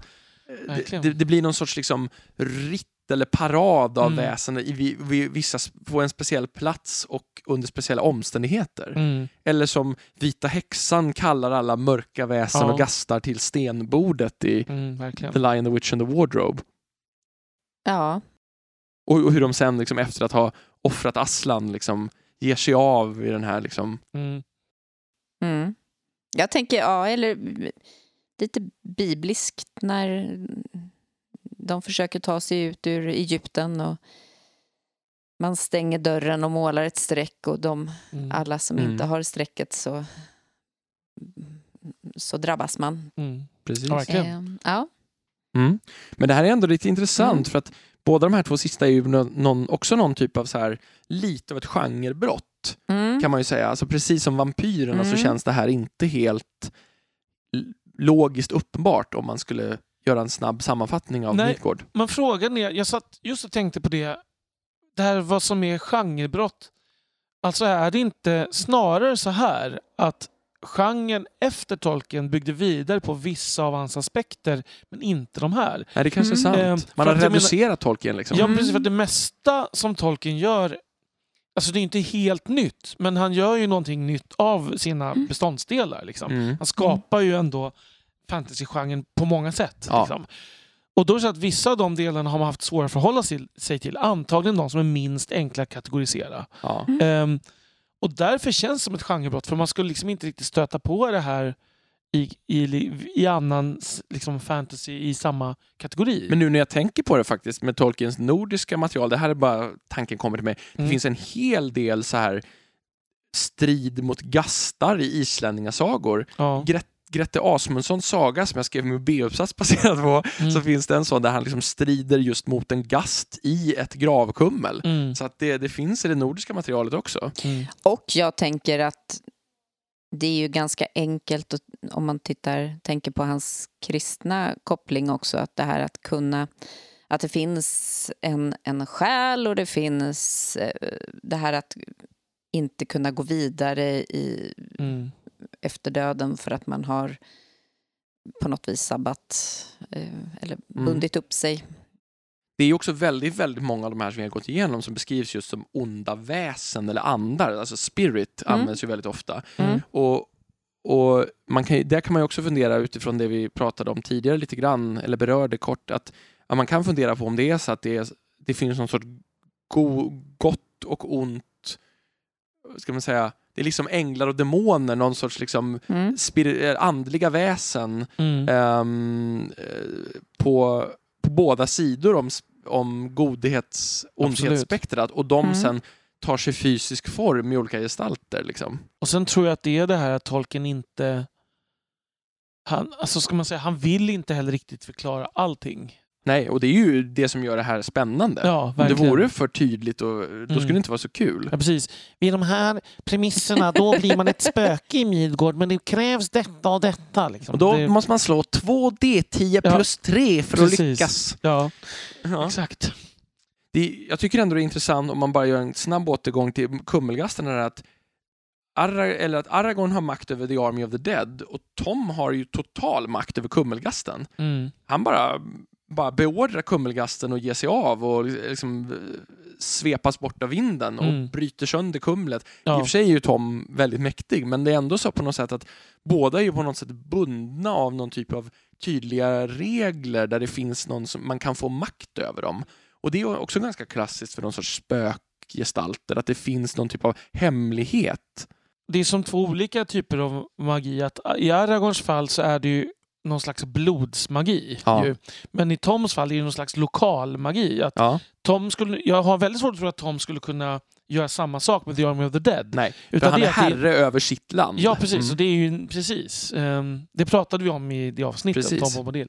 Så att det är liksom, men det finns, men det finns ändå en tydlig regel som sagt. Alltså Mm. att det, om man, som man kan tolka in i det. Mm. Att det finns Men en det- anledning. Det där är också intressant för att Kummelgastarna är uppenbarligen så att de är ju, de är ju invaderande alltså på Toms område. Mm. egentligen. Mm. Men han har inte brytt sig om att driva ut dem för han är inte den här vit, vit, vit eh, målade idealisten liksom. Nej. Utan han, han är ju sådär, nej men allt får vara lite som det är och han eh, The liksom, circle of life. Ja, han låter Old Man Willow Ja. vara och Mm. han, låter, liksom, han är väldigt accepterande för den här mörka sidan också på något sätt. Mm, verkligen.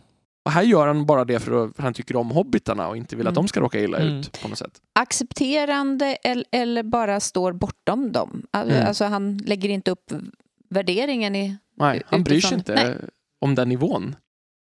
Men man kan ju fundera om Tom överhuvudtaget har några begrepp för ont och gott, om han står helt bortom hela den. Jag tycker att det känns som det. Ja, Mm. det är en spännande tanke Mm. ändå, som ytterligare liksom fördjupar Mm. Tom-gestalten. Och de vi har sparat till sist, det är de kanske mest mystiska, mest obskyra och svårgreppbara av Mm. allihopa. Och det är tre stycken olika. Eh, om vi börjar med den, den kanske mest konkreta som vi har mest information om, det är då de, som, de varelser som kallas för fell beasts. De refereras också till som hellhawks på ett annat ställe.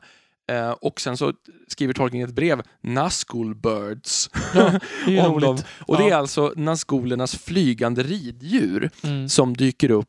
När jag var liten trodde jag att det var de som var Nazgulerna. Det är en sån här vanlig Ja, missuppfattning. det tror jag att jag också kan ha trott. Mm. Åtminstone att de tog den formen sen. Eller Jag tror att det är för att Tolkien börjar använda ordet Nazgul om de svarta ryttarna mycket, mycket mer i slutet när de också Mm. förekommer mer Mm. ehm, Ja, precis. på, på de här riddjuren. Mm. Så det är en lätt... Och det vi vet om dem då är ju att de är någon sorts stora varelser som han jämför med fåglar. Men han säger att de är fjäderlösa. De, har, de, de, har, de är alltså bevingade, de är fjäderlösa. De har en lång hals, de har näbb, de har klor, de har läderartade vingar. Um, de, har en, de stinker fruktansvärt. Och sen så går han in på lite bakgrundshistoria där han säger att de är eh, varelser från, kan ha varit varelser från en äldre värld som har överlevt i, i glömda berg och att sen så har den här sista avkommorna av det här hämtats av Sauron och fötts upp på svart kött. Alltså, det, dinosauriekopplingen blir väldigt tydlig då måste jag säga. Och Mm. det jag framförallt Mm. associerar till det är ju Conan Doyles den här en, eh, The Lost World. Mm. Där liksom det lever kvar dinosaurier på en platå i Sydamerika. Ja. Typ.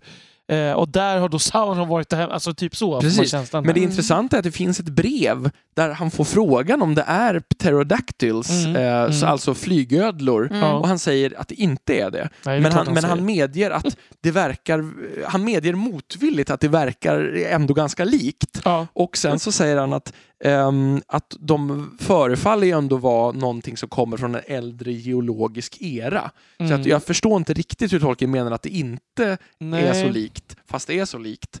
Att Han- de är lite mer fågliga än dinosaurier ändå, kanske. Jo, Han vill väl helt enkelt inte att det ska finnas ett riktigt sådär självklart motstycke i... i nej. Men jag undrar om och det kanske också med, med en modernare läsning att jag vet inte hur utbredd kunskapen var då om att fåglar härstammade från dinosaurierna. Nej, det är Eh. nog tveksamt hur mycket man visste om det. Ja. Eller hur e- erkänd den teorin var i alla fall. För, för det kan ju vara, kan helt enkelt vara så att det är mycket mer idag att det blir så otroligt tydligt eh, just Mm. med den kopplingen. Liksom. Mm. Eh, Hellhawk låter ju verkligen som att det skulle kunna vara någon slags omskrivning för någon slags flygödla. Ja. Liksom. Och, och i, idag så är det många som till, till och med tror att dinosaurierna alltså, kan ha varit befjädrade. Ja, Det är, en precis. det är faktiskt ganska intressant. Absolut. Åt andra medan ja, det här är en det- fågel det- utan fjädrar. Man vet ju att det finns, har funnits befjädrade dinosaurier till och Ja, med. jo, men Men precis. Men att, att, att många fler ut- av de här Ja, kända som man har precis. sett på bild så många gånger kanske hade fjädrar egentligen. Ja. Vad tänker ni om den här? Jag tycker att den här är ganska cool ändå. Det är en Mm. av de, ett av Mm. de roligare monstren. Och jag gillar verkligen det här med att de är i glömda berg och sådär. Det tycker jag är en cool Mm. formulering. Ett berg jag inte längtar efter att besöka. Nej, verkligen inte. Nej, nej. Där Fell Beasts lever och Mm. partajar.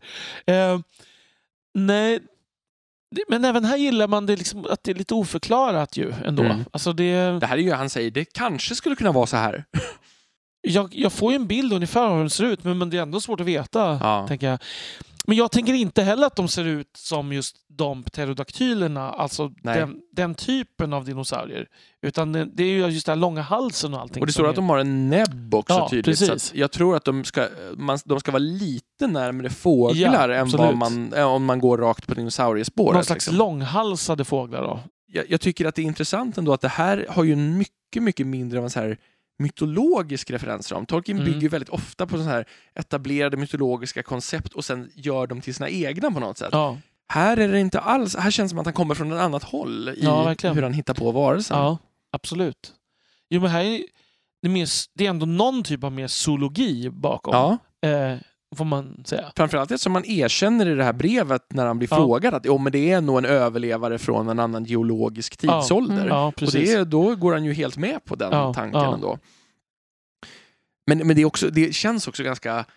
Det, det ger ändå någon sorts vad ska man säga, känsla av Mordor det här att liksom de har, de har säkert så här patruller som gräver runt så Ja. olika bortglömda monster och eh, liksom föder upp dem i några konstiga liksom, källare eller mörka platåer vid Gorgoroth någonstans. Och det liksom. måste ju finnas liksom, vad ska man säga, horder av misslyckade såna här experiment Mm. som Mm. de har ägnat sig åt. Liksom. De här som man försöker närma sig men de är inte så sugna på att ansluta sig till, Nej, precis. till övriga Och bara- on, onda gänget. Nej, så men att- exakt. Och så här genetiska misslyckanden. Man försöker odla fram någon annan typ av urukaj och så bara nej, det gick inte. Precis. Ja. Är det, men Ja. undrar om det- det är någon typ av, liksom, på någon nivå, någon sorts typ av kritik mot det här att, liksom, man, att försöka leka Gud och ändra på skapelsen. Det här, liksom, att ondskan är ju generellt... Frankensteins monster. Ja. Precis, men ondskan hos Tolkien generellt Mm. förvrider ju saker. Liksom. Mm. Och att det är någon sorts, att, att göra uppror mot Gud.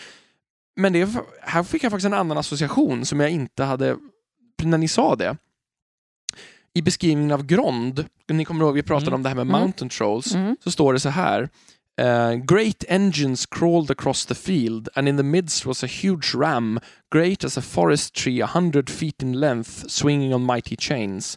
Long had it been forging in the dark smithies of Mordor, and its hideous head, founded of black steel, was shaped in the likeness of a ravening wolf. On it spells of ruin lay. Gron they named it in memory of the ha- hammer of the underworld of old. Great beasts drew it, Mm. Mm. Orcs surrounded it and behind walked mountain trolls to wield it. Mm. Men Jag tänkte ju, på de här förut. Ja, Eh, de kanske vi ska nämna ändå. ja. De, för där har ju också...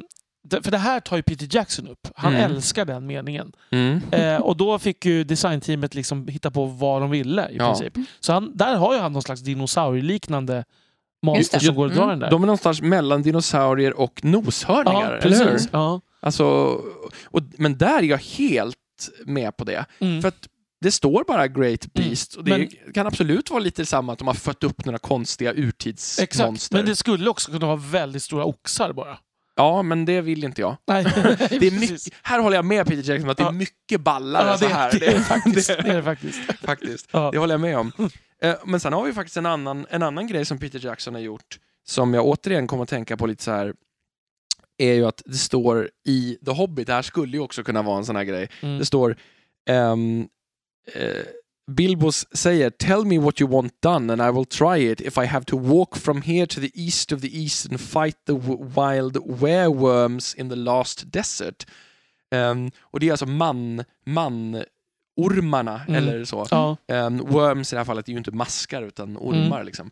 Eh, Peter Jackson har gjort de här gigantiska underjordiska borrande orm, eh, ormmaskarna som gräver tunnlar åt orkerna. Mm. Väldigt dålig tolkning, men undrar om det delvis är den här som han stödjer Det sig kan det på. vara. Den meningen som han var. De måste vi skapa. Ja, the Mm. wereworms. Så han, men då kan man nästan säga att han gör en tolken, nämligen att han ger skepnad något som bara finns i Ja. liksom, förbifarten. Det tycker jag faktiskt väldigt mycket om hos honom. Ja. Mm. Att han, han, han har ju på något sätt fattat något grundläggande drag eller tema som Tolkien jobbar med då Mm, och mm. försökt applicera det själv.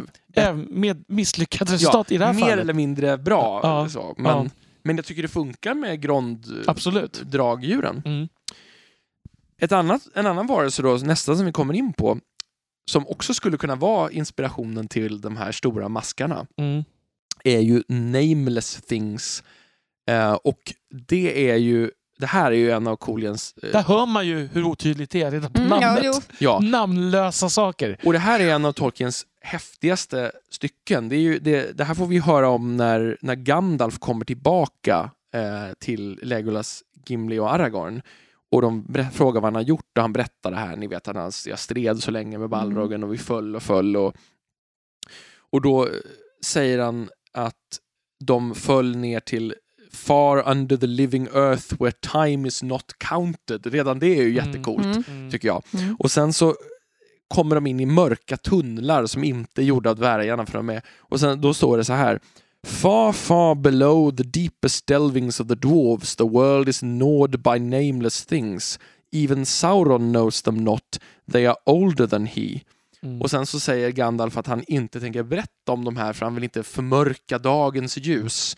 Och mm, Gandalf säger också In this despair my enemy was my only hope eller något åt det hållet, jag tar det där ur minnet. Mm. Um, alltså att Gandalf måste följa efter Balrogen för att ta sig härifrån. Mm. Och jag tolkar det nästan som att det är så att förutom att han är på den här hemska platsen så är det så att de här varelserna är jätte, jätte, jättemycket värre än Balrogen. Det här, Ja. apropå, nu kommer jag göra en Adam och säga det här är lite H.P. Lovecraft. Ja! Eh, och det, är faktiskt fler som har gjort den Ja, ja. kopplingen än du. Eh, det finns en hel del, både, vi har fått en lyssnarfråga kring det här Mm. och det finns artiklar på nätet där folk säger att det här känns ju väldigt H.P. Lovecraftskt med mörka urväsen som inte går att greppa någonstans bortanför Mm. allt. Liksom. Mm. Så gnager på världens rötter dessutom. Mm. Ja, vad säger vi om det här? Jag tycker att den är spännande, för om man tänker då som är mycket äldre än Sauron, Som är äldre än världen. som är äldre än världen alltså, världen var ju inte ens skapad. Eller, Ja. ja, Sauron är ju äldre än världen. ja, Så att om de här existerar i världen så kan de ju inte vara äldre än Sauron om de inte kommer utifrån på något sätt. ja, och samtidigt Sauron var ju inte Sauron innan världen skapades. Nej. Och det är Han samma var. som den här diskussionen med Tom Bombadil och Treebeard, vem Mm. som egentligen är oldest och sånt Mm. där. Liksom. Mm. Och det här är ju också någon typ av så här, man, skulle man kunna tänka att de, ja, fast på, på ett sätt undrar jag om de inte på samma sätt som Tom egentligen inte är i världen. Jag tänker mig nästan att det här är mer metafysiskt. Mm. Att det liksom, det är så att Gandalf nästan lämnar världen. Mm. Ja, Ehm, precis. Tiden räknas Nej, inte precis. där nere. Och, och, så, och de gnager på världens rötter, vilket man då skulle kunna säga är liksom under världen. Mm. Ehm, Precis, de är ut, de står utanför, Ja. kanske de är ute i the void Ja, kanske till och ja, med, som Tolkien precis. menar omger Ea. ja. Och det kanske omger även inifrån, Ja. om man nu ska vara lite... Ja, det, det här var ju coolt, det är nästan Ja. lite Twin Peaks Ja, över det här tycker Precis. Ja, det, verkligen. Och Men- frågan är, är de ens?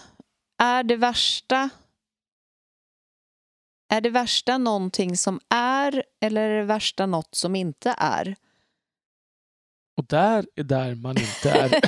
jag. Nu blev det nästan lite Descartes Ja. över det här. Liksom. Ja. Mm.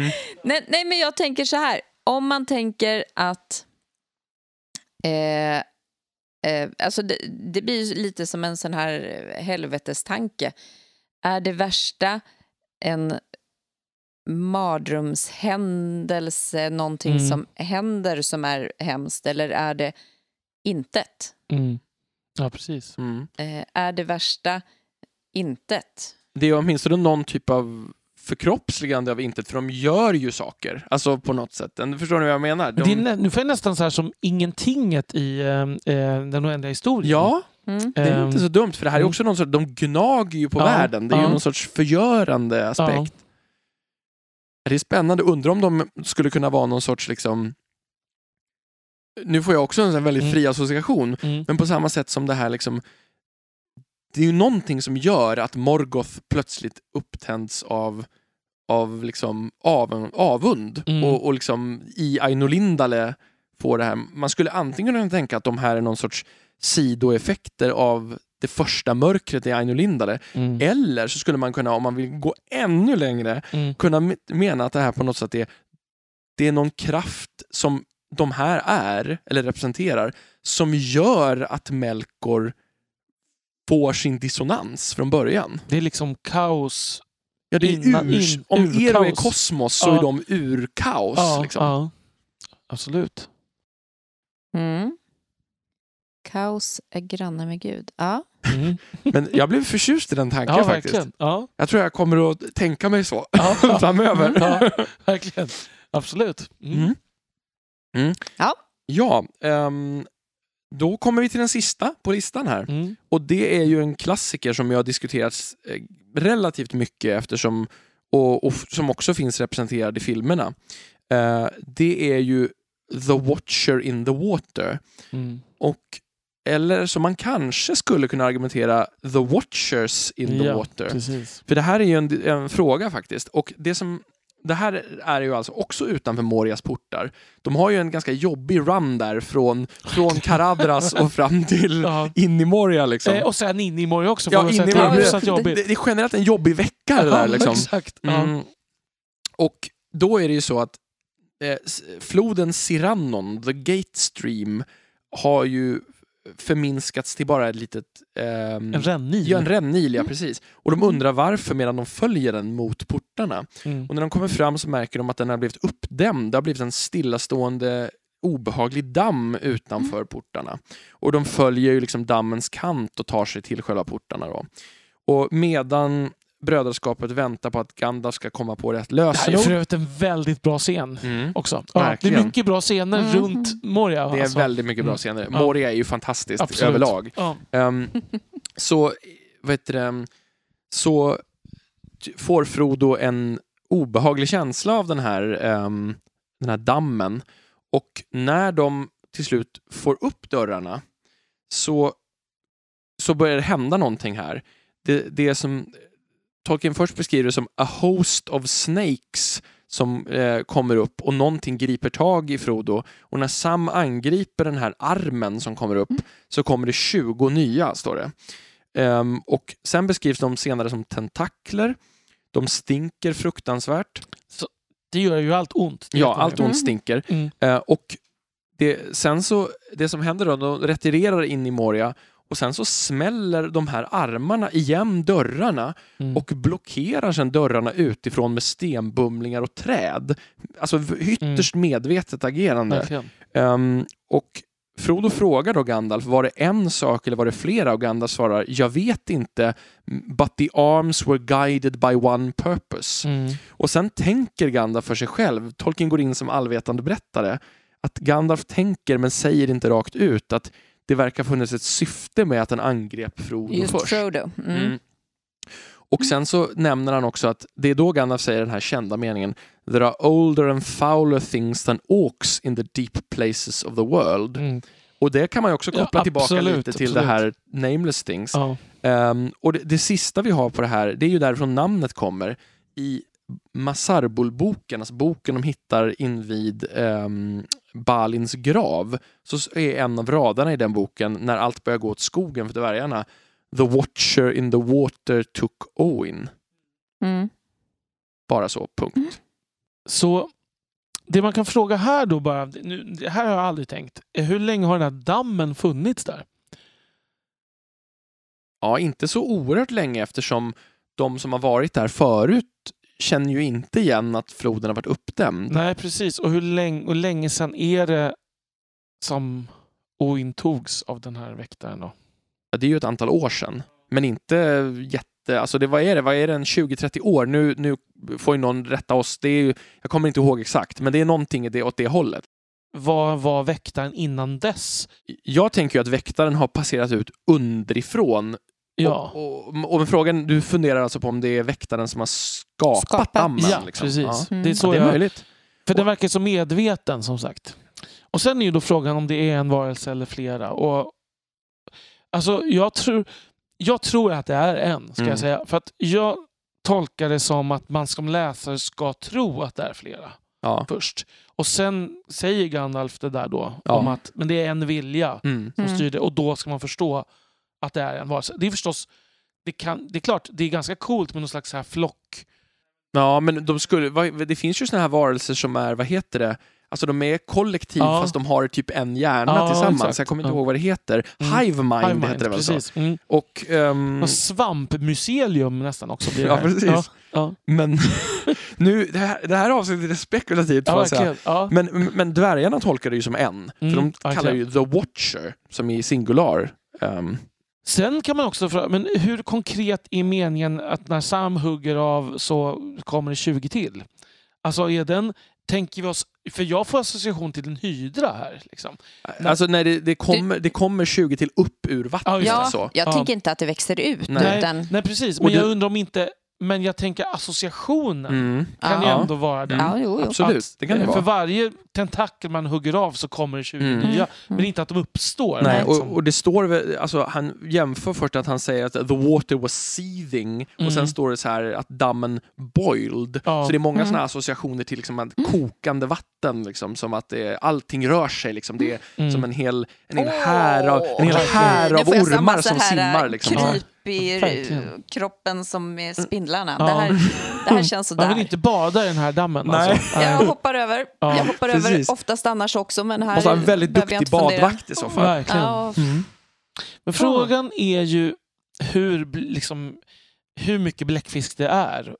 Jag tror att det är mindre bläckfisk än Peter Jackson Ja. tänker sig. Och jag tycker inte om att man får se huvudet eller kroppen. Nej, nej, jag jag tycker bara att man skulle ha fått se tentakler. Ja. Så att, för det finns en stor poäng med att det är okänt och osett. Ja, verkligen. Mm. verkligen.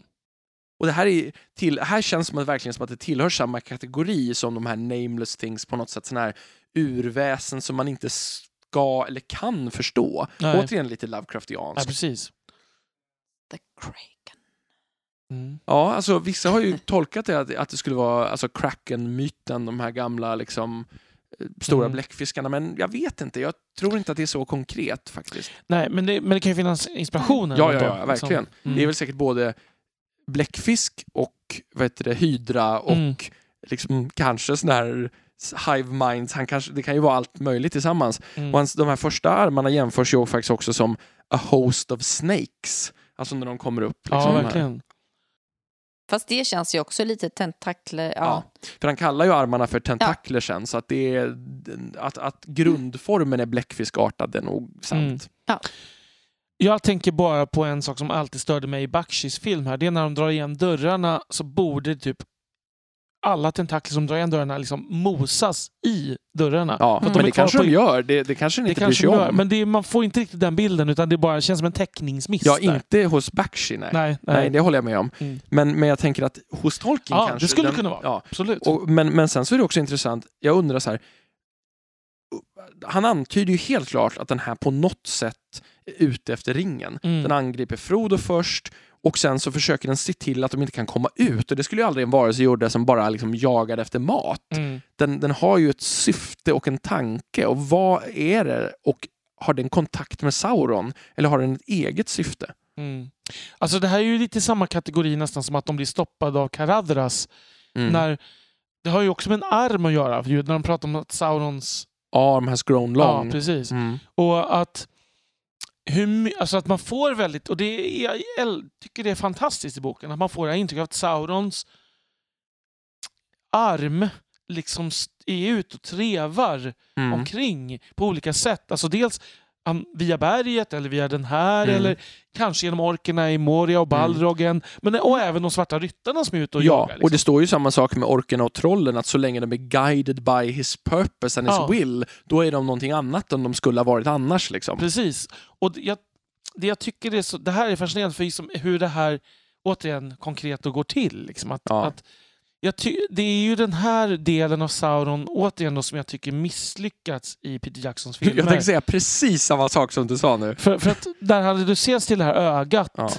Ja, Då blir han också så konkret. Mm. precis. Men han är ju ute som, som någon slags, men inte någon allsmäktig makt, utan Mm. mer att han En har sin... strålkastare som, som inte ser en om man snubblar och Ja, ligger bakom exakt. en sten. Exakt. Alltså, ja. det, och, och det, är ju, det här är ju raka motsatsen. ja, verkligen. Själva naturen, själva Mm. urkrafterna Ja. samarbetar med Ja. honom för hans makt är så stor. Kanske, för det vet vi Ja. Det är det Men, som också men att- det skapar en paranoia kring det i alla fall. Ja.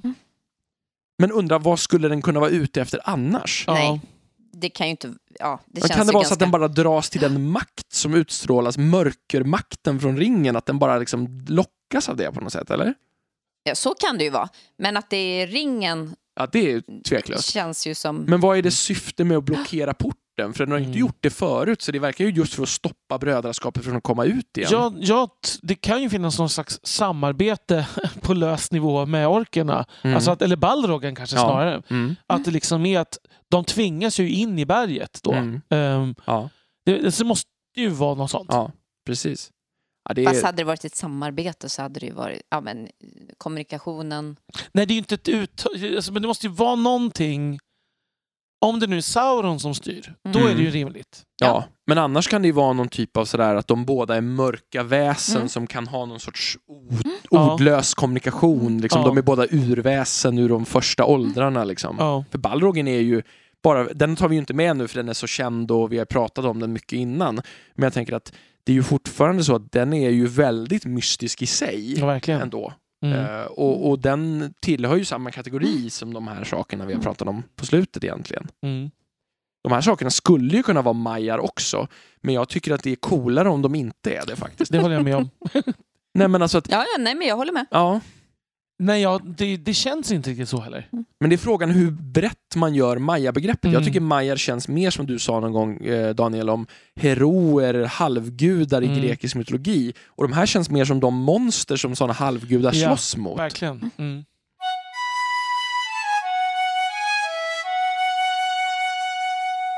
Jag tycker att det här har varit väldigt spännande måste jag säga. För att det är, dels har man att vi kunnat, som, du har letat fram de här lite mer obskyra passagerna och sådär, men också att för man, ens fantasi väcks verkligen, verkligen till liv av en sån här diskussion. Mm. Och det finns så mycket mer som vanligt hos Tolkien än vad man tänker på, än vad många tänker på Mm. eller ser framför sig.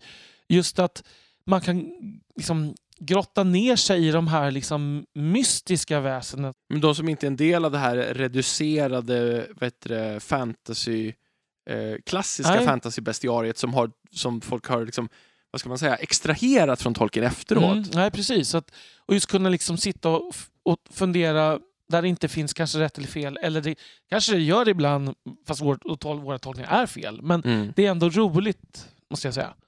Precis, och då har vi ändå ens, inte ens gått in på de ganska många olika sakerna som finns i The Adventures of Tom Bombadil Mm. som ju, som ju kan kanske tolkas mer som hobbit-legender men som Mm. ändå är intressanta i sig. Mm, verkligen. det var, kändes som en rimlig avgränsning att göra. Att de här sakerna är sånt som rimligen i någon form existerar i Midgård ändå. Mm. Det känns ju oerhört lyxigt, tycker jag, för min del att eh, du har gjort allt detta förjobbet, Adam, som gör att vi andra kan sitta och spekulera Precis. eh, hej vilt och Alltså, det eh, var- ha Det, tankar det och var ju ett par gånger här när jag liksom kollade upp i Foster och jag kollade upp i Encyclopedia av Arda och sen så Mm. var jag så här, nej men jag är helt säker på att det finns en till mening och så började så här gräva i appendix och plocka ut unfinished tales och titta Mm. i indexen och, och ofta hittade jag den här Åkte konstiga Marquette till. University.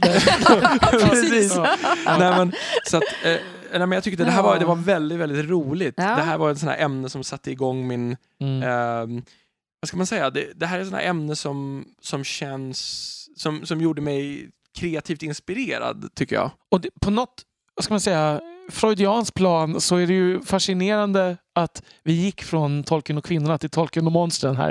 Det måste jag säga. Avsnitten efter varandra här. Så att, Precis. ja. Det var Nej, lite men roligt. och, Mm. ja. men sen så, och sen så kanske det här att man... Ja, men det blir ju den här motsättningen mellan det här väldigt vuxna och analytiska planet Mm. till det här lite mer balla monster. Ja. Alltså så här, titta hur många coola monster finns. Mm. Men jag tycker faktiskt att, det, apropå det, så tycker jag att en grej som, som jag gillar med Tolkien, som du nämnde lite för, förut, är att jag är inte så förtjust i de här väldigt så här rollspelsbestiarierna, där det är väldigt konkret så här vilka förmågor monster har och exakt hur de ser ut. Mm. För att det gör att de inte längre är läskiga eller intressanta. Nej. Och jag det. tycker just att de här liksom korta, suggestiva meningarna Tolkien ofta Mm. jobbar med, de Mm. är Det jättehäftiga. hintas om Ja. saker som man får... som man inte kan ja. ta in Mm. riktigt. Mm. Ja. Nej, och det är klart, även någonstans i Tolkien fanns ju någon som gillar balla monster, liksom helt klart. Ja, ja, Alltså, ja. Eh, men, men, det är ju, men det är ju någon... Jag håller med, för att det är inte bara att de är balla monster. Alltså det är ju något... Det Det, finns blir ett något djup. tidlöst. Ja. Liksom. Alltså, att, Mm. eh, det är inte, jag tänker så här, det är inte bara de här namnlösa varelserna som är det står lite utanför tiden, utan allt är lite löst i kanterna. Mm. Men det är lite som en, alltså vad ska man säga? Det låter så att det är lite som en lök, återigen där vi har pratat Ja. om olika lager, att det blir som att det finns, alltså hela, alltså Lord of the Rings är en sagotid jämfört med vår tid. Mm. Och Silmarillion är en sagotid jämfört med Lord of the Rings. Ja. Och sen finns det nästan som en urtid Mm. som anas i Silmarillion utanpå den. Men det är nästan liksom som, där har vi liksom titanerna. Ja, om man då men tänker ungefär liksom, så. Ja, Mm. ehm, Innan tiden egentligen finns. Ja, där, där liksom gudavarelserna mer är någon slags, vad ska man säga, ja men där vi var inne på kaos och Kosmos. kosmos och liksom, Mm. ja, Kronos, tiden Ja. och så. Mm. De är nästan koncept och idéer Ja. snarare än varelser i, i, i vad heter det, konkret form. Ja, precis. Ja, men jag tycker det är spännande för man når så här, och vi, vi kom ju fram till den här, alltså jag hade inte alls tänkt på att det är så många möjliga varelser där det finns ett högre och ett lägre väsen som vi, alltså, mm, som är likartade. Liksom. Ja, precis. Så där med, vi ta- pratade Återkommande. werewolves och wargs och Mm. eh, Nazgul och vad heter det, Barrow Whites Och spindlarna, på spindlarna också till exempel. Mm. Ja. Att, att det är så genomgående hade jag inte Nej, reflekterat över. nej, inte jag heller. Så det är också en sån här rolig sak som kommer fram i själva diskussionen. Mm. Hoppas ni att ni har uppskattat denna odyssé genom Genom... eh, ja, monstrositeterna här. Precis, exakt. The Monstrous Odyssey. Det är, ja. Precis. Ja. Ska jag döpa Ehm, min nästa konceptalbum till? jag ska bara göra mitt första konceptalbum Ja, det, det är min nästa koncept. Precis. Men jag tänker att det blir ju roligt också, för nu har vi ju som sagt sparat drakarna. För Mm. där finns det så mycket um, mytologiskt stoff som man kan gå in på och det finns ganska mycket både individer och uppdelningar hos Tolkien. Så det, kan, det blir ett intressant uppslag till ett senare avsnitt. Verkligen. Men det avsnittet kommer inte att bli nästa gång. För då tar vi lite mer sommar... sommarhäng. Ja, sommarhäng. Precis. Ja, chill, och, chill på balkongen. precis. Eller för, fast i det här fallet så blir det väl chill i tv-soffan då? Ja, precis. Eller hur? Mm. Vad ska vi göra då? Ja, men då ska vi väl prata lite film Mm. Och tv-serier? och tv-serier. Mm. Mm. Så tanken är väl att det ska bli en motsvarighet mot det här avsnittet bok, boktips i Tolkiens fotspår. Att det blir film och tv-tips i Tolkiens fotspår istället. Fast ganska fritt. Exakt. Fast det var det då också. Ja. Det var det då också, Ja. absolut. Ja, Så hoppas att ni, eh, kära lyssnare, vi, att ni får en härlig sommar trots rådande omständigheter och eh, passa på och eh, följ upp Elisabeths tips här med Bergianska. Eller bara generellt att titta omkring i ett närområde och se vad som finns. Promenera ensamma i naturen, hitta lite mallornträd någonstans. Och, Mm. Ja. Skriv en fantasy-epos kanske. ja, jättegärna. Ja. Skicka det till oss på tolkienpodden.gmail.com ja. och den eh, adressen kan ni också använda för att eh, höra av er med frågor eller funderingar eller kanske bara lite tankar och åsikter om den här, det här avsnittet. Mm.